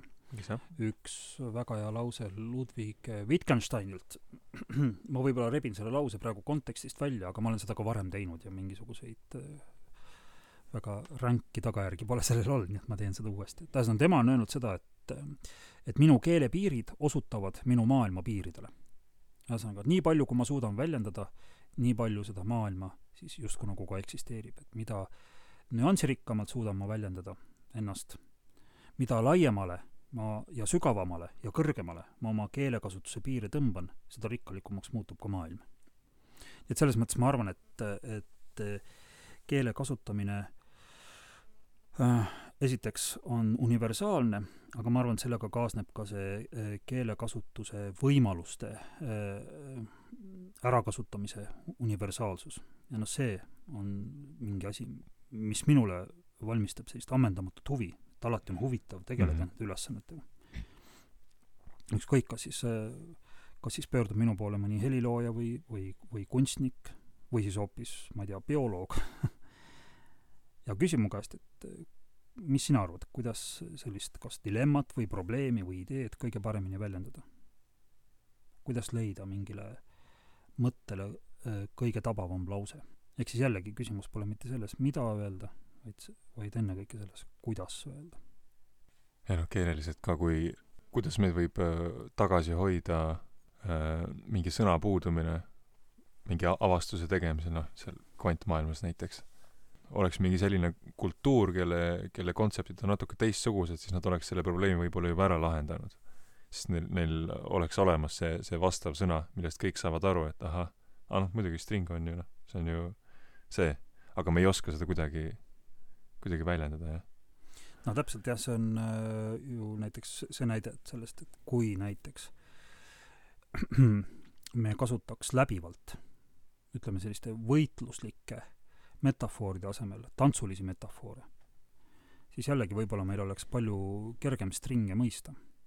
sest eks ju tantsus on jällegi oluline see suhe, seos mm, -hmm. protsess heas tantsus ei ole ju, ei ole nii, et, et partnerid tantsivad ja siis üks võidab ja teine kaotab tantsus on oluline see seisund, mida tantsijad tekitavad. ja nad ei saa seda üksi tekitada. see seisund haarab neid, ühesõnaga mm. -hmm. tantsijad ei määratle seisundit, vaid lõpuks seisund määratleb neid. nii et võib-olla kui meil oleks teistmoodi metafoorid läbivalt meie keeles mm, -hmm. me kasutaksime teistmoodi metafoore, kasutaks rohkem verbe mm, -hmm. mõtleks ka rohkem nagu nii-öelda liikuvalt, seostavalt, liikudes ühest, ühelt objektilt teisele. võib-olla siis meil ei oleks üldse raske stringe mõista.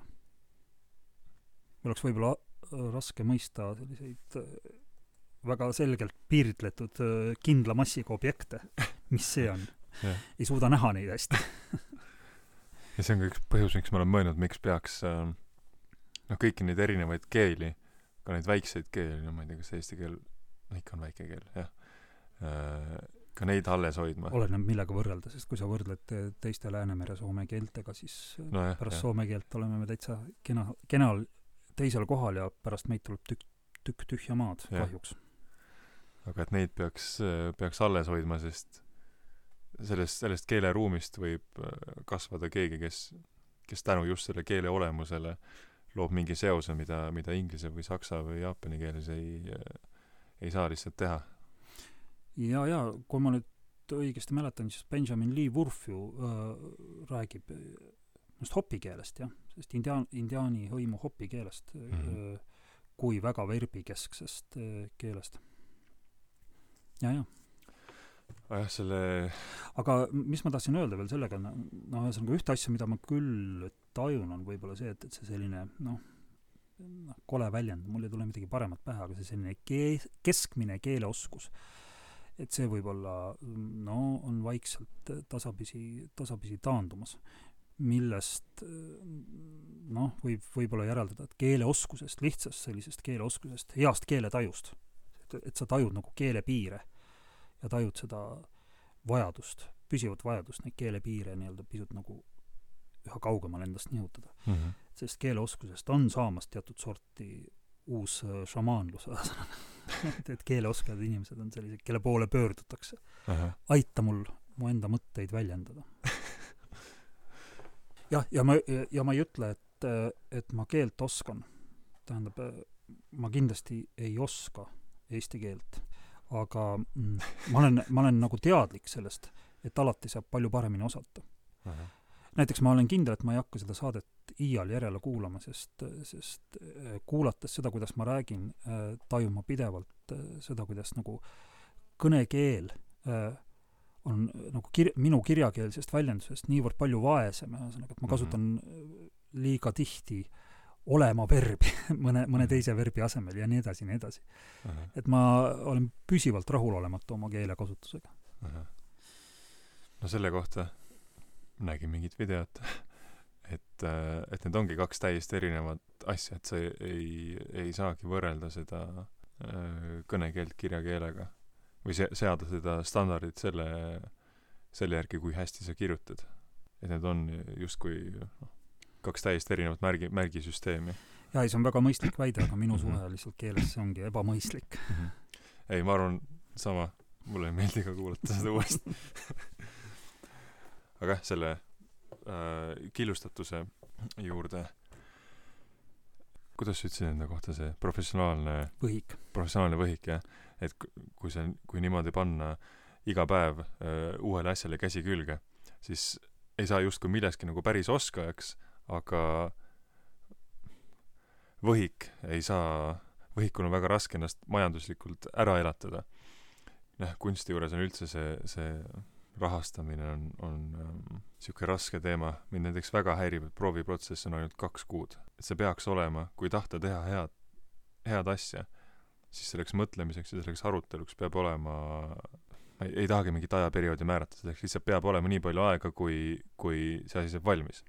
täiesti aga, nõus, täiesti nõus. lihtsalt võimatu on siis kuidagi tasuda nendele inimestele, kes, kes seda protsessi läbivad sinuga. et oled sa kuidagi mõelnud selle loomingulise inimese elukorralduse, selle majandusliku poole peale, et kuidas, kuidas selle ähm, kuidas aladevahelise inimesena nagu äh, ära elada, jah. jah, see on hea küsimus. Ja ma kardan, mul ei ole sellele universaalset vastust, sest minu vastus on väga partikulaarne, ta ühesõnaga on seotud minuga, et ma öö, äh, ühel hetkel sain aru, et noh, minu eluideaal on see, et ma elatan ennast ära asjadest, mida mulle meeldib teha.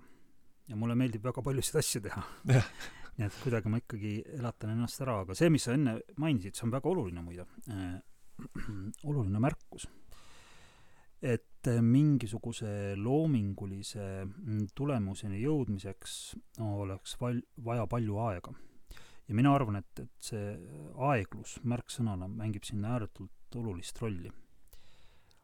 ja mulle tundub, ja see, see on hakanud mulle tunduma alles hiljuti ma käisin vist jah, ma käisin kusagil intervjuud andmas siis, kui ilmus äh, Loomingu Raamatukogu kuldsarjas uuesti mu Tallinna kaart, mis esimest korda ilmus aastal kaks tuhat neliteist ja nüüd selle aasta alguses ilmus uuesti. ja siis intervjuu käigus küsiti mu käest, et noh, kui kaua sa seda raamatut kirjutasid.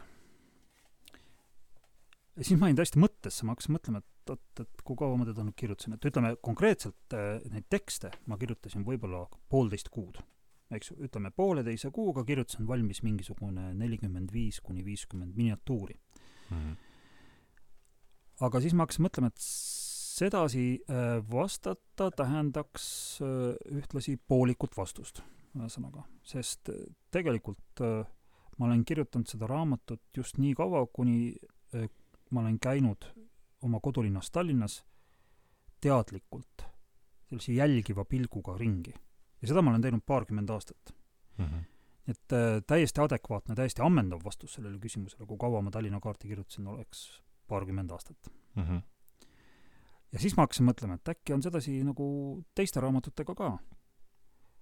et ma ei saaks ju kirjutada just selliseid raamatuid juhul, kui ma ei oleks lugenud enne seda teisi raamatuid. Ma ausalt öelda isegi ei tea, kui palju ma olen elu jooksul raamatuid lugenud, ma ei julge öelda, et kümme tuhat, see tundub nagu ülepakkumisena väheke, aga ütleme näiteks, et noh, paar tuhat ikka, eks, paar tuhat raamatut. et kõikide nende paari tuhande raamatu lugemine eh, on olnud eelduseks, et ma saan ise midagi kirja panna. ja nende raamatute lugemine on võtnud ka ju ikkagi aastaid või aastakümneid aega.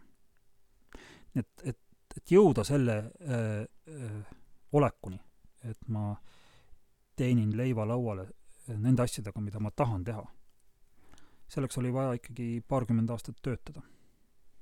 lugeda, lugeda, lugeda, lugeda, filme vaadata, teatris käia, muusikat kuulata mm. -hmm. aga üldjoontes jah, noh, ütleme kogu selle sellise astrofüüsilise sellise väga spetsiifilise jutu taustaks ma nüüd hakkan loopima mingeid selliseid väga lihtsaid triviaalsusi.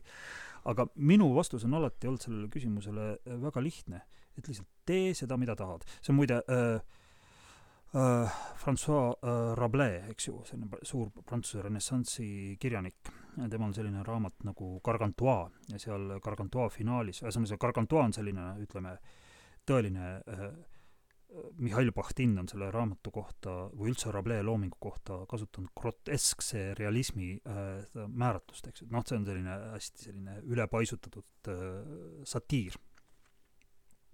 No seal on üks stseen, kus näiteks Gargantua ronib äh, Jumalaema kiriku katusele ja kuseb sealt pariislastele kaela ja uputab tuhandeid pariislasi oma kuse sisse. aga et seal raamatu lõpus on siis selline utoopiline osa ehk siis seal on üks selline äh, koht, Telem, äh, seal Telemis on siis see Telemiitide klooster. ja see Telemiitide klooster on siis Rabelais jaoks selline nagu tõeline renessansslik selline utoopia, kus noh, on koos vabad inimesed, vabad võrdsed inimesed, haritud ilusad inimesed. Ja, ja Telemi kloostri äh, lööklause või see juhtlause või slogan on tee, mida tahad. ja noh, vot see on olnud minu jaoks nagu selline ideaal, milleni püüelda ma arvan, et see on minu jaoks minu isikliku õnne võti. teha mm. seda, mida ma just parasjagu tahan. et loomulikult ma ei saa seda kunagi nagu sajaprotsendiliselt teha, eks, et mõnikord ma tahaksin joonistada, aga, aga tuleb, eks ju, kirjutada mõnikord tahaksin kirjutada, aga tuleb teha midagi muud. aga üldiselt äh, ma olen alati tundnud, ma tahan nagu mõtlemisega elatist teenida, just järelemõtlemisega, et ma saan järele mõelda. ma saan seostada, mul on huvitav mm. ja jumala eest mulle makstakse ka veel pärast selle eest, et mul on huvitav olnud. et see on olnud minu ideaal ja selle poole ma olen püüelnud. ja siiamaani see on, on võimaldanud sul ära elada? jah. noh, ütleme nii, et äh, ka sellise elu juures äh, eksisteerib võnkeid. Aga äh, noh, ütleme vibratsioone, aga, aga üldiselt jah üldiselt äh, vastus on ühene. Jah, ma olen olnud nüüd täiesti sedasi ühemõtteliselt vabakutseline kümmekond aastat. Äh, vahepeal ma sain kirjanikupalka kolm aastat, aga noh, kirjanikupalgaga ei kaasne ka ju äh, vältimatult selliseid otseseid kohustusi. noh, loomulikult mm. ma kirjutasin, eks ju, taotlusesse oma kavatsustest ja need kavatsused viisin ma ellu, aga kõik need kavatsused olid mulle ääretult südamelähedased.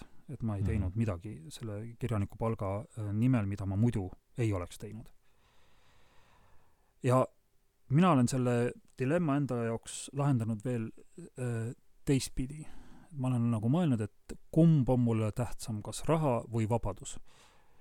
ja ma olen nagu valinud, et rõhk on äh, nagu sellel teisel osisel, ehk siis vabadusel. ja loomulikult see vabadus ei, noh, ei tähenda sellist nagu romantilist vabadust, et ma istun mootorratta selga ja sõidan päikeseloojangu poole, noh, esiteks mul ei ole mootorratast, teiseks ma ei oska mootorrattaga sõita ja Eesti on üldse väike, et päikeseloojangu poole sõita. aga et, et vabaduse tunne, see tunne, et ma teen, mida ma tahan mm. -hmm. et see on oluline. et selle nimel ma võin äh, teenida paar tuhat eurot vähem või paarsada eurot vähem, olenevalt olukorrast. ma olen mõelnud, et need, äh, need kunstilised ettevõtmised, mis ähm, noh, mis on nagu majanduslikult edukad või mis kukuvadki hästi välja, et nende taga, neid ei ole tehtud selle kahe kuuga. või näiteks see film mm, ei ole tehtud äh, isegi selle noh, võib-olla kahe aastaga, mis läheb selle eelproduktsiooni ja siis selle produktsiooni ja siis järelproduktsiooni jaoks, vaid et seal on ka peidetud ära see stsenaristi töö näiteks, kes kirjutas seda filmi ka noh, nii võib-olla mitukümmend aastat, kui ta seda kirjutas, mis keegi talle ei maksnud ja siis see käsikiri, see stsenaarium kuskilt saadi. kõik, kõik need näited sellest, kus justkui tehakse head asja ja tehakse kiiresti, seal on ikkagi see, see aastate ja, ja võib-olla aastakümnete pikkune töö nagu tasustamata töö ära peidetud. no täiesti ja, ja vaata loomingu juures on ju see väga huvitav aspekt veel, et iial ei tea, mis võib sellise loomingulise impulsi vallandada. ma olen alati mõelnud öö, oma mm, keskkooliaegsele mm, kirjandusõpetajale mm, praeguses Tallinna Ühisgümnaasiumis, toona oli see Tallinna kahekümnes keskkool, kaheksakümnendate aastate keskel.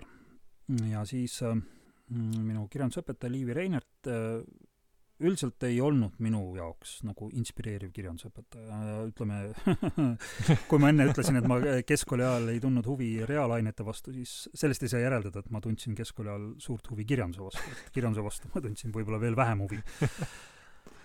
aga ma mäletan, et ähm, juhtus selline asi, et ühel päeval tuli Liivi Reinert klassi, ütles, et nii, et nüüd äh, täna kirjutate kõik äh, vabas vormis ühe loo.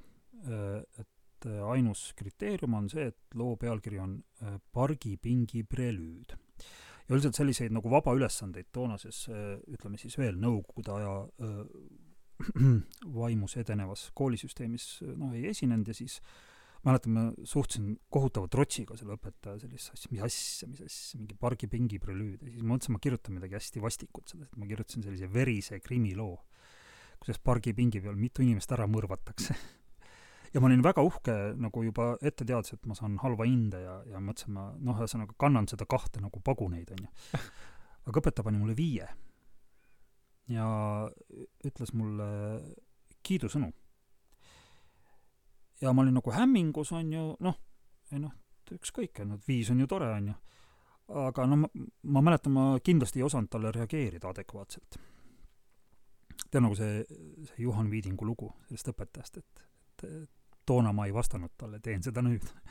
et mina, mina ka vastasin Li- äh,, Liivi Reinertile paarkümmend aastat hiljem alles. aga ma arvan, et see oli ääretult oluline. see oli ääretult oluline pisiasi, mis kallutas mind mingis suunas. Mm -hmm. sest ma olin, noh, kirjandus ei su-, noh, ei huvitanud mind absoluutselt. aga see õpetaja reaktsioon vallandas midagi ja ta vallandas alguses väga aeglaselt. Umbes äh, samasuguse aeglusega, nagu see kuu eemaldub maast, on ju, et ei pane mitte midagi tähele. Mhm. aga nüüd ma olen hakanud mõtlema, et, et, et see oli väga, väga oluline, pisikene, aga väga oluline tõuge. ja kui vana sa olid sellel ajal? äkki kuusteist või seitseteist või midagi sellist. no ma ütlen, et, et ma oma esimese novelli äh, avaldasin ju aastal tuhat üheksasada üheksakümmend kaheksa, ehk siis üle kümne aasta hiljem. et sinna, no ütleme, et see tõesti, see mõju äh, kestis väga kaua. mõju oli aeglane, aga nüüd ma arvan, et see oli järjekindel. ja et sellised asjad on loomingulises äh, juures väga olulised ja vot neid ei anna mõõta see on üks asi, vaata, mida ei anna mõõta, eks ju et, et kui noh, ma ei tea, teivashüppes saab väga hästi mõõta, et kas sa hüppad üle, üle teatud kõrguse mm -hmm. või ei hüppa, saad sa tulemuse kirja või ei saa, siis äh, kunstiteose loomise juures noh, neid impulsse, algimpulsse või neid mõjutegureid võib olla niivõrd palju, et noh, keegi ei loe neid kokku. keegi ei saa aru, kust see kõik tegelikult pärit on aga kusagilt on see pärit, on ju, ta ei ole, ta ei ole vaakumis, vaakumit üldse ei eksisteeri, eks. vaakumit ei eksisteeri ka kosmoses, on ju. kuskil ma lugesin, et see kosmose keskmine tihedus on umbes selline, kui võtta maakera suurune ruumala ja panna sinna üks veetilk. aga tühjus see ikkagi ei ole mm. -hmm. Oh. aga võtamegi siis need, need paar füüsikaalast küsimust sellest minu nimekirjast, kus on need küsimused, mis mu-, mis mul loodusteaduste kohta lugedes on tulnud ja millele ma ei ole ilmselt neil on vastused ikkagi olemas, aga ma ei ole kas iseasi, kas meie neid vastuseid teame. Aga et äh, sul oli siis musta augu kohta mingeid mõtteid, noh minu küsimus oli see, et äh, ma ei saanud aru, millest, millised elementaarosakesed on äh, musta augu sees. ma saan aru, et sinna siseneb ükskõik mis, kas või tool. Aga mis sellest toolist saab? no ja, ja no siin me lähemegi jälle mingisse sellisesse valdkonda, noh, mis mõjub meie, meiesugustele nagu noh, ma ei tea, mingi selline hästi äge muinasjutt lapsele, eks, et et no kõige lihtsam oleks sellele vastata, et, et see küsimus noh, on mingis mõttes nagu mõttetu, sellepärast et, et must auk algab, eks ju, ju sündmuse horisondist. Ja, ja just sündmuse horisondi tõttu ei ole sellel küsimusel nagu otsest kaalu. et võib öelda, et sündmuse horisondi taga avaneb hoopis teistsugune maailm, eks ju, kus ei päde need reeglid, mis meie maailmas aga ma arvan, et isegi sedasi öelda oleks vale, et miski avaneb äh, sündmuste horisondi taga, seal ei avane tegelikult mitte midagi, vaid sulgub lihtsalt sulgub meie vaateväljast. Aga jah, selle sündmuste horisondiga, eks jällegi, jällegi on seotud seesama meie äh,, meie keelehorisont või meie keele horisondid. see, et, et meie keelepiirid määravad ära meie maailma piirid. see, et meil võib-olla puudub üldse keel, millega seda musta augu sisemust üldse adekvaatselt kirjeldada. äkki noh, meil ei ole lihtsalt äh, keelelisi vahendeid. ja kusjuures seesama astrofüüsik äh, Brian Greene, kellest ma sulle rääkisin, selles samas Hidden Reality raamatus juhib sellele tähelepanu. ühesõnaga, ta ütleb, et, et noh, et ta alustab sellest, et noh, et tegu on keelelise probleemiga, et me oleme harjunud rääkima musta augu sisemusest, nagu oleks tegu noh, mingi ruumilise positsiooniga. aga Green väidab, et tegelikult see ei pea üldse paika et tegu on hoop-, hoopis ja pane nüüd tähele, siin võiks eh, tulla juurde nüüd väikene trummipõrin, prrrr, onju, et tegu pole mitte ruumiga, vaid momendiga ajas. et ühesõnaga, kui ületada see sündmuste horisont ja siseneda musta auku, siis vahetavad aeg ja ruum, ehk siis äh, telgsuund ja radiaalsuund vahetavad oma kohad.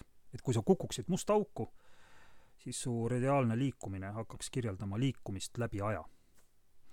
Ja sind tõmmatakse musta auku, tõmmatakse selle musta augu keskme poole ja samamoodi, nagu sind tõmmatakse järg-, järgmisse hetke ajas. ja Green väidabki, et selles mõttes on must auk suguluses viimase momendiga ajas. nii et üldistada võib nii, et musta augu sees muutub ruum ajaks ja ühesõnaga, kõlab, eks ju, pisut kummaliselt. ja, ja vot see teebki nagu tegelikult asja huvitavaks, on ju et loed nagu mingit muinasjuttu, mille nagu tegelastest, mille süžeest sa päris lõpuni aru ei saagi, võib-olla ei saa üldse aru, aga, aga seda saad aru, et toimub midagi põnevat, ühesõnaga, et toimub miski, mis äh, nagu avardab su maailma. tahaks nagu tegelastega kaasa minna, aga noh, esiteks ei tea, et kuidas minna ja kunas minna ja tegelikult ei lasta ka ja aga vot see teadmu-, teadmatus, see teadmatus ise soovib nagu veel midagi teada saada. ma tahaks veel midagi teada saada. aga ütleme, et, et lugedes seda Brian Greene'i nagu äh, juttu, siis noh, mõtlen, et loedki nagu mingisugust teise tsivilisatsiooni äh, mingisugust püha või põhikirja et ei saa nagu hästi aru, et sa saad aru, noh, ühesõnaga, et on, eksisteerib selline sõna nagu ruum ja eksisteerib selline sõna nagu aeg, aga et nad musta augu sisemuses vahetavad justkui kohti et mida see õieti tähendab, sellele ei oska nagu vastust leida.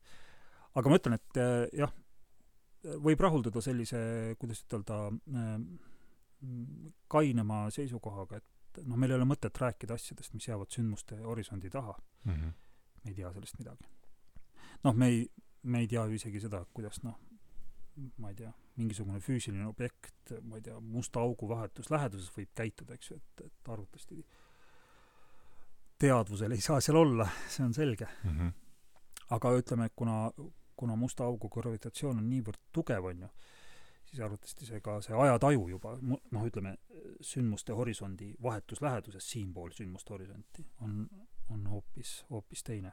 et noh, näiteks see, mida, mida siis see teoreetiline inimene seal sündmust, sündmuste horisondi ees vahetult enne musta auku kukkumist tajub, ma ei tea, sekundina siis kui meil oleks võimalus seda inimest jälgida, siis, siis meie jaoks oleks see võib-olla miljon aastat mm. -hmm.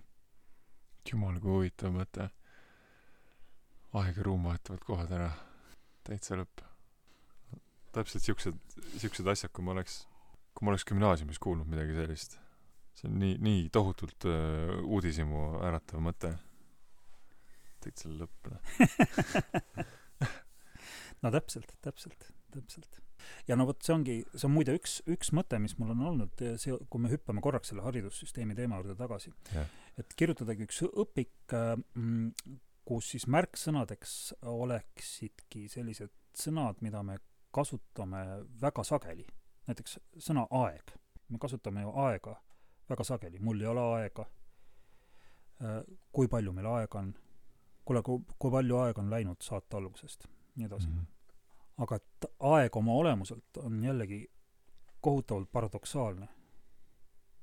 ääretult raskesti mõistetav asi mm. -hmm võiks isegi öelda, et sellist nagu ühtset aega, aega kui sellist ei eksisteerigi. nii et äh, ajast saaks ka teha täiesti eraldi saate, aga et ühesõnaga, et tehagi näiteks üks õpik ajast äh,. kindlasti sa tead seda Carlo Rovelli ajakorda. Seda ma olen nii, ah oh, jumal küll mul muide väga-väga lahe, sellepärast et ma just mõtlesin, kas öelda selle, kas mainida seda Carlo Rovelli raamatut või mitte mm, -hmm. mõtlesin, et ah, et ma olen niikuinii täna nii palju nimesid maininud, et ma väga, ma olen nii paljudele soovitanud seda. jaa, see on väga lahe raamat, mina ja. ka. ma just kinkisin äh, äh, ühele tudengile Kunstiakadeemias selle raamatu, see oli mul kotis ja siis ma kuidagi sattusime jutuhooga ja siis ma kinkisin talle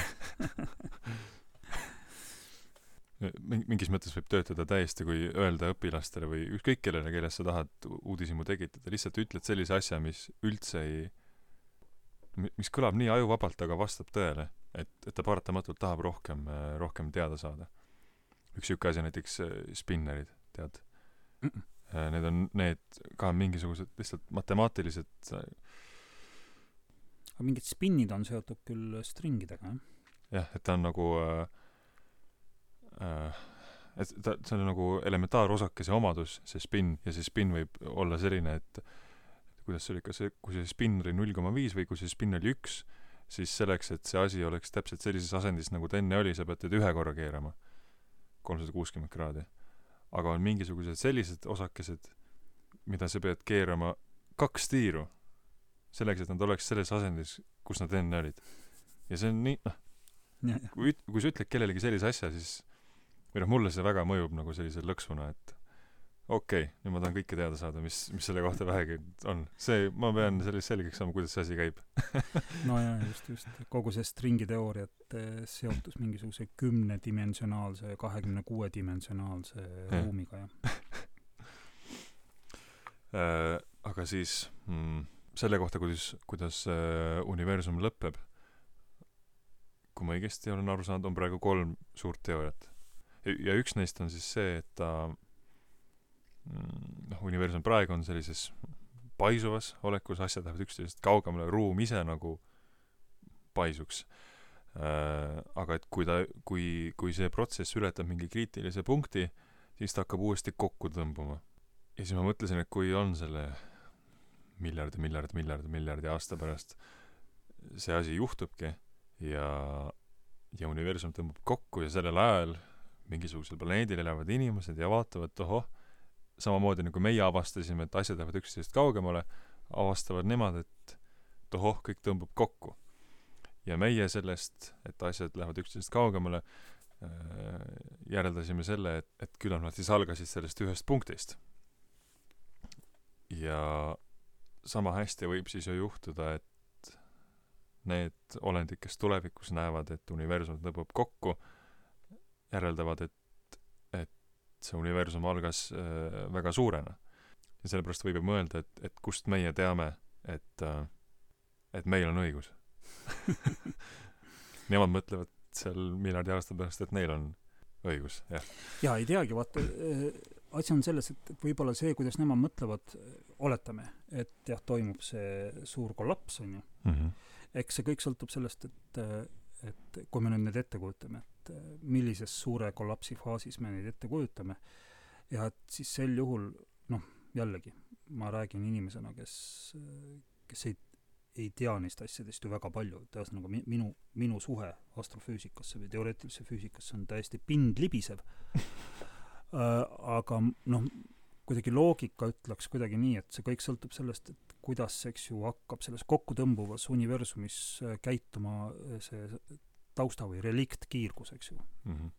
siis seda on praegu, praegu, meie praeguses universumis on äh, iga kuupsentimeetri kohta umbes nelisada äh, taustakiirguse footonit. et mis neist saab äh,? mina ei tea, mis nendega nagu kokkutõmbuvas äh, ruumis juhtuma hakkab või, või või kui palju peab ruum kokku tõmbuma, et nendega midagi muut-, nende olek või nende tihedus mm -hmm. muutuks. no ma arvan, et tükk aega ei juhtu mitte midagi. nii et ka ütleme, et kui inimesed nagu teavad, no eks ju, me teame, et universum paisub, kas me kuidagi seda tunnetame või? eks, sest, sest paisuvas universumis, noh, eks ju, objektid eemalduvad üksteisest, eks ju, galaktikad on punanihkes meie mm, -hmm. meie poolt vaadatuna, aga aga Andromeeda udukogu näiteks hoopis ligineb meile. kuskil seal sada kümme, sada kakskümmend, sada kolmkümmend kilomeetrit sekundis, ma ei mäleta, kui palju.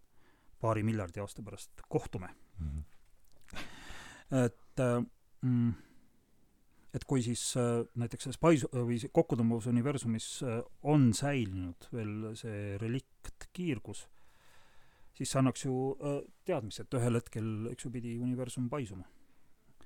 Et ühel hetkel oli universum äh, väga kuum ja väga tihe ja see juhtub ka varsti, noh, lähimas tulevikus mm. -hmm. jah, et kusjuures ma hakkasin mõtlema, et, et, et sel juhul oletame, et kui inimesed on teadlikud, et universum suure, äh, suurel kiirusel tõmbub kokku, siis mõni poeetilisem inimene võib näiteks mõelda, et noh, selline mõni poeetiline äh, meie kauge-kauge järglane võib tunda, et, et ta mitte ei liigu tagasi ainult ruumis, eks ju, et ruum ei liigu tagasi oma kunagisse olekusse, vaid ta liigub nagu ajas ka tagasi kuidagi mm. -hmm.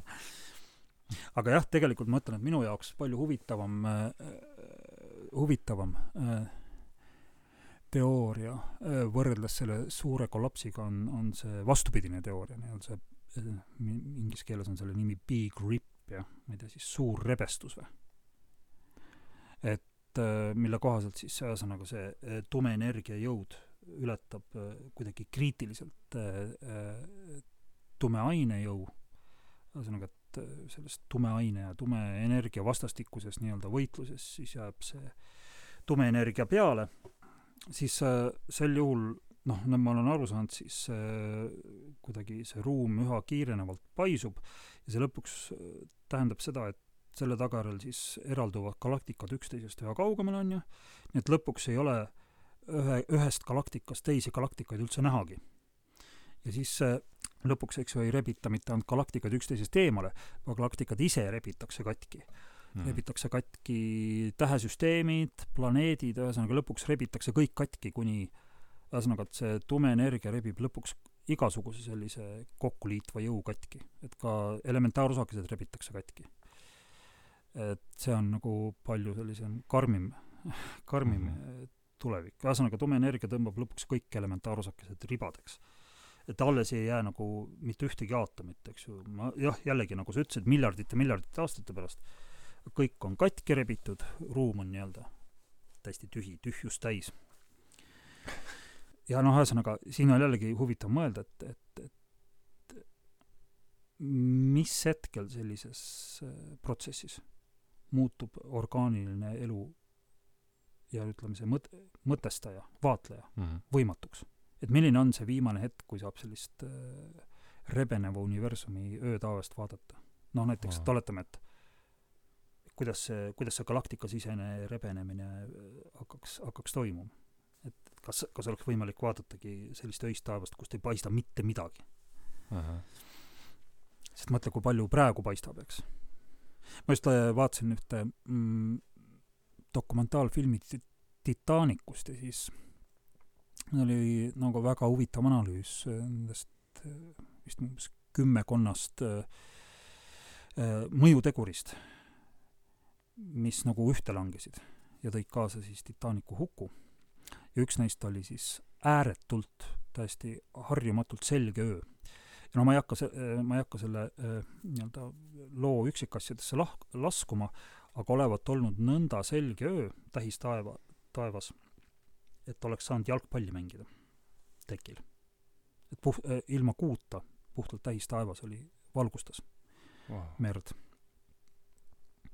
kusjuures noh, sellist tähistaevast tahaks väga näha sest ütleme, et me elame, me elame niivõrd reostunud maailmas, valgusreostust on niivõrd palju, et äh, sellist äh, ilusat äh, sügavat tähistaevast tead nagu stereopilti on ikka väga raske nagu tuvastada, selleks peab ikkagi jah, liikuma kuhu, ütleme siis sellest kunst, kunstlikust valgustusest kuhugi väga kaugele. ja jällegi sellistesse kohtadesse, kus õhk on puhtam, kus ütleme, selliseid saasteosakesi on, on vähem ja Mhm. ütleme näiteks jah, tõesti, pean jälle mainima seda Uus-Meremaad, et, et seal oli ikkagi tähistaevas väga võimas, sest ühesõnaga Uus-Meremaa ümbritsevad ju suured ookeanituuled ja kuidagi õhk on Mhm. kuidagi klaarim ja selgem. aga ei, noh, Eestis on ka ikkagi, Eesti on ka ikkagi võrdlemisi, ütleme Euroopa kontekstis ikkagi võrdlemisi pime kant et päris Ruuri piirkonnaga võrrelda ei saa. aga jah, ma ei tea, ma arvan, et lohutav on mõelda sellele, et, et nii see suur kollaps kui ka suur rebestus asuvad meist veel ikka ajaliselt üsna kaugel. jah. viimaks siis astronoomia paha vend, astroloogia kas sul on selle kohta kommentaare? et see on kummaline, et astronoomia on ju algusest peale olnud väga täppisteadus. Imetlusväärne, kui, kui varakult me avastasime noh, näiteks sellesama pretsessiooni. kui ma õigesti mäletan, siis need tähed liikusid seitsmekümne aastaga, ehk siis ühe, ühe inimese elueaga, ühe kraadi. ja ta pidi seda kuidagi märkama ja, ja, ja ja mingid arheoloogilised tõendid on, et, et see toimus ikka noh, tuhandeid-tuhandeid aastaid tagasi juba oli, oli see teada. et on olnud algusest peale väga täppisteadus, aga, aga siis kuidagi on sinna juurde kasvanud noh, samamoodi nähti, nähti karika põhjas seda jumalat kuidagi ja et, et sinna kasvas see lugu juurde. kas sa jah, sinu seisukoht, astroloogia ei no see on tore mäng ju, selles mõttes, et mulle, mulle ikka aeg-ajalt meeldib neid äh, astroloogilisi ennustusi lugeda. aga nende ennustuste kohta on mul muidugi nagu selge seisukoht ja ma väljendan seda ühe, ühe looga mm. -hmm. Kunagi, see võis ka juba olla ikkagi paarkümmend aastat tagasi, käisime oma, käisin oma praeguse abikaasaga siis ka mingis esoteerikapoes, lihtsalt kuidagi aega, aega veetmas vist või. ja seal siis oli mingisugune selline astroloogiline abimees, mingisugune raamat. ja siis see raamat oli üles ehitatud printsiibile, et sa said vaadata äh, millisest tähtkujust äh, paarilisega sa kõige paremini sobitud, et näiteks, et mina olen veevalaja, on ju, mina sain vaadata siis, et äh, millised, millistest tähtkujudest naised sobivad kõige paremini veevalajast mehega. ja minu abikaasa on skorpion. Ja ma muidugi vaatasin, et noh, kuidas, kui hästi siis sobib veevalajast mees äh, skorpionist naisega. Ja kui äh,, kui teistel teistes seal peatükkides oli, noh, seal kuidagi kirjeldatud midagi, siis, siis äh, veevalaja mees pluss skorpion naine peatüki all oli ainult üks lause. sellisest suhtest on parem hoiduda ja ma olen oma abikaasaga juba kakskümmend viis aastat koos ja ei, ei tunne üldse vajadust hoiduda. et noh, nii palju siis sellest. kusjuures minu ümber on väga palju skorpione. selles mõttes, et, et et mitmed mu head sõbrad on skorpionid. nii et selles mõttes äh, ma ei näe siin mingisugust sellist äh, seaduspära. ma arvan, et see on lihtsalt selline mäng mm, -hmm. mida lihtsalt paljud inimesed väga tõsiselt mängivad. noh, et kui sa hakkad nagu mingit mängu väga hasartselt mängima, siis sa võid mingi hetk ära unustada, et tegu on mänguga mm. -hmm. no see on ju huvitav, eks ju, kuidas nagu mängu hakatakse nii tõsiselt võtma.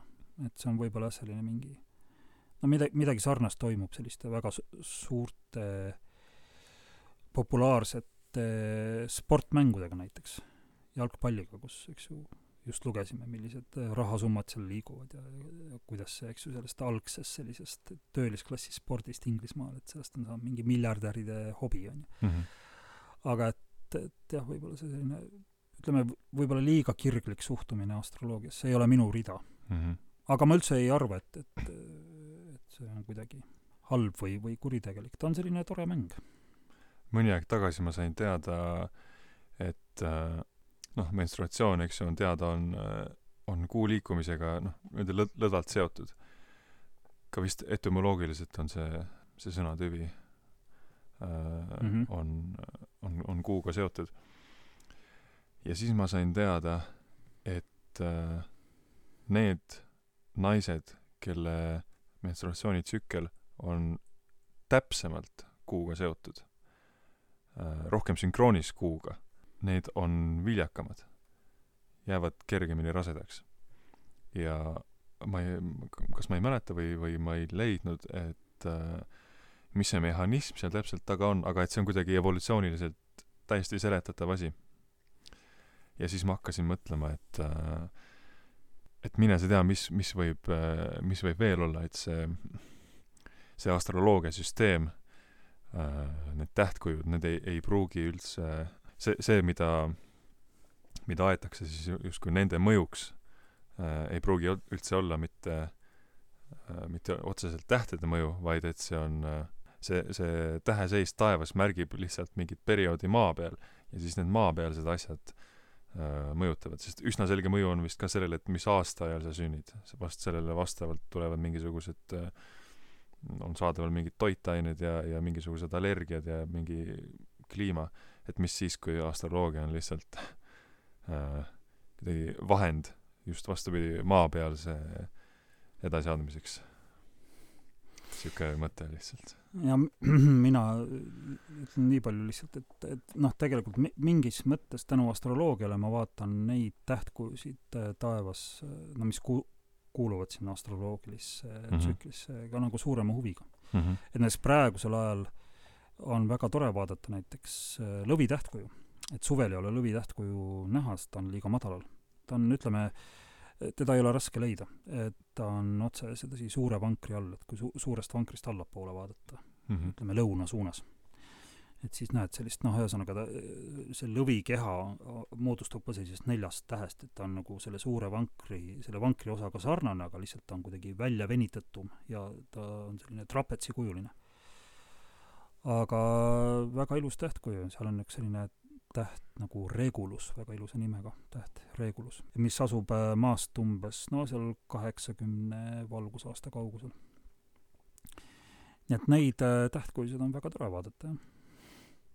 Kusjuures ma olen ise veevale tähtkujust ja see veevale tähtkuju on selline üsna isikupäratu. et noh, kui mõned tähtkujud noh, näevad efektsed välja, eks ju, suur vanker näeb efektne välja, Orion näeb väga efektne välja, on ju. Perseus näeb väga äge välja, Cassiopeia näeb väga äge välja äh, noh, väike vanker samamoodi, siis äh, see veevalaja on kuidagi selline arusaamatu ähmane. mul on sellest väheke kahju hüva. on sul veel midagi? oi, me oleme nii palju rääkinud, et ja. Äh, kui sa sellest äh, kui ma sellest ei saa, siis ei üldse siis ei ole üldse võimalik millestki saadet saada, jah veel kord, mul on väga, mul on väga tänulik, et sa tulid. mul on väga hea meel, et sa kutsusid hüva. aitäh sulle, kuulus Jan Kaus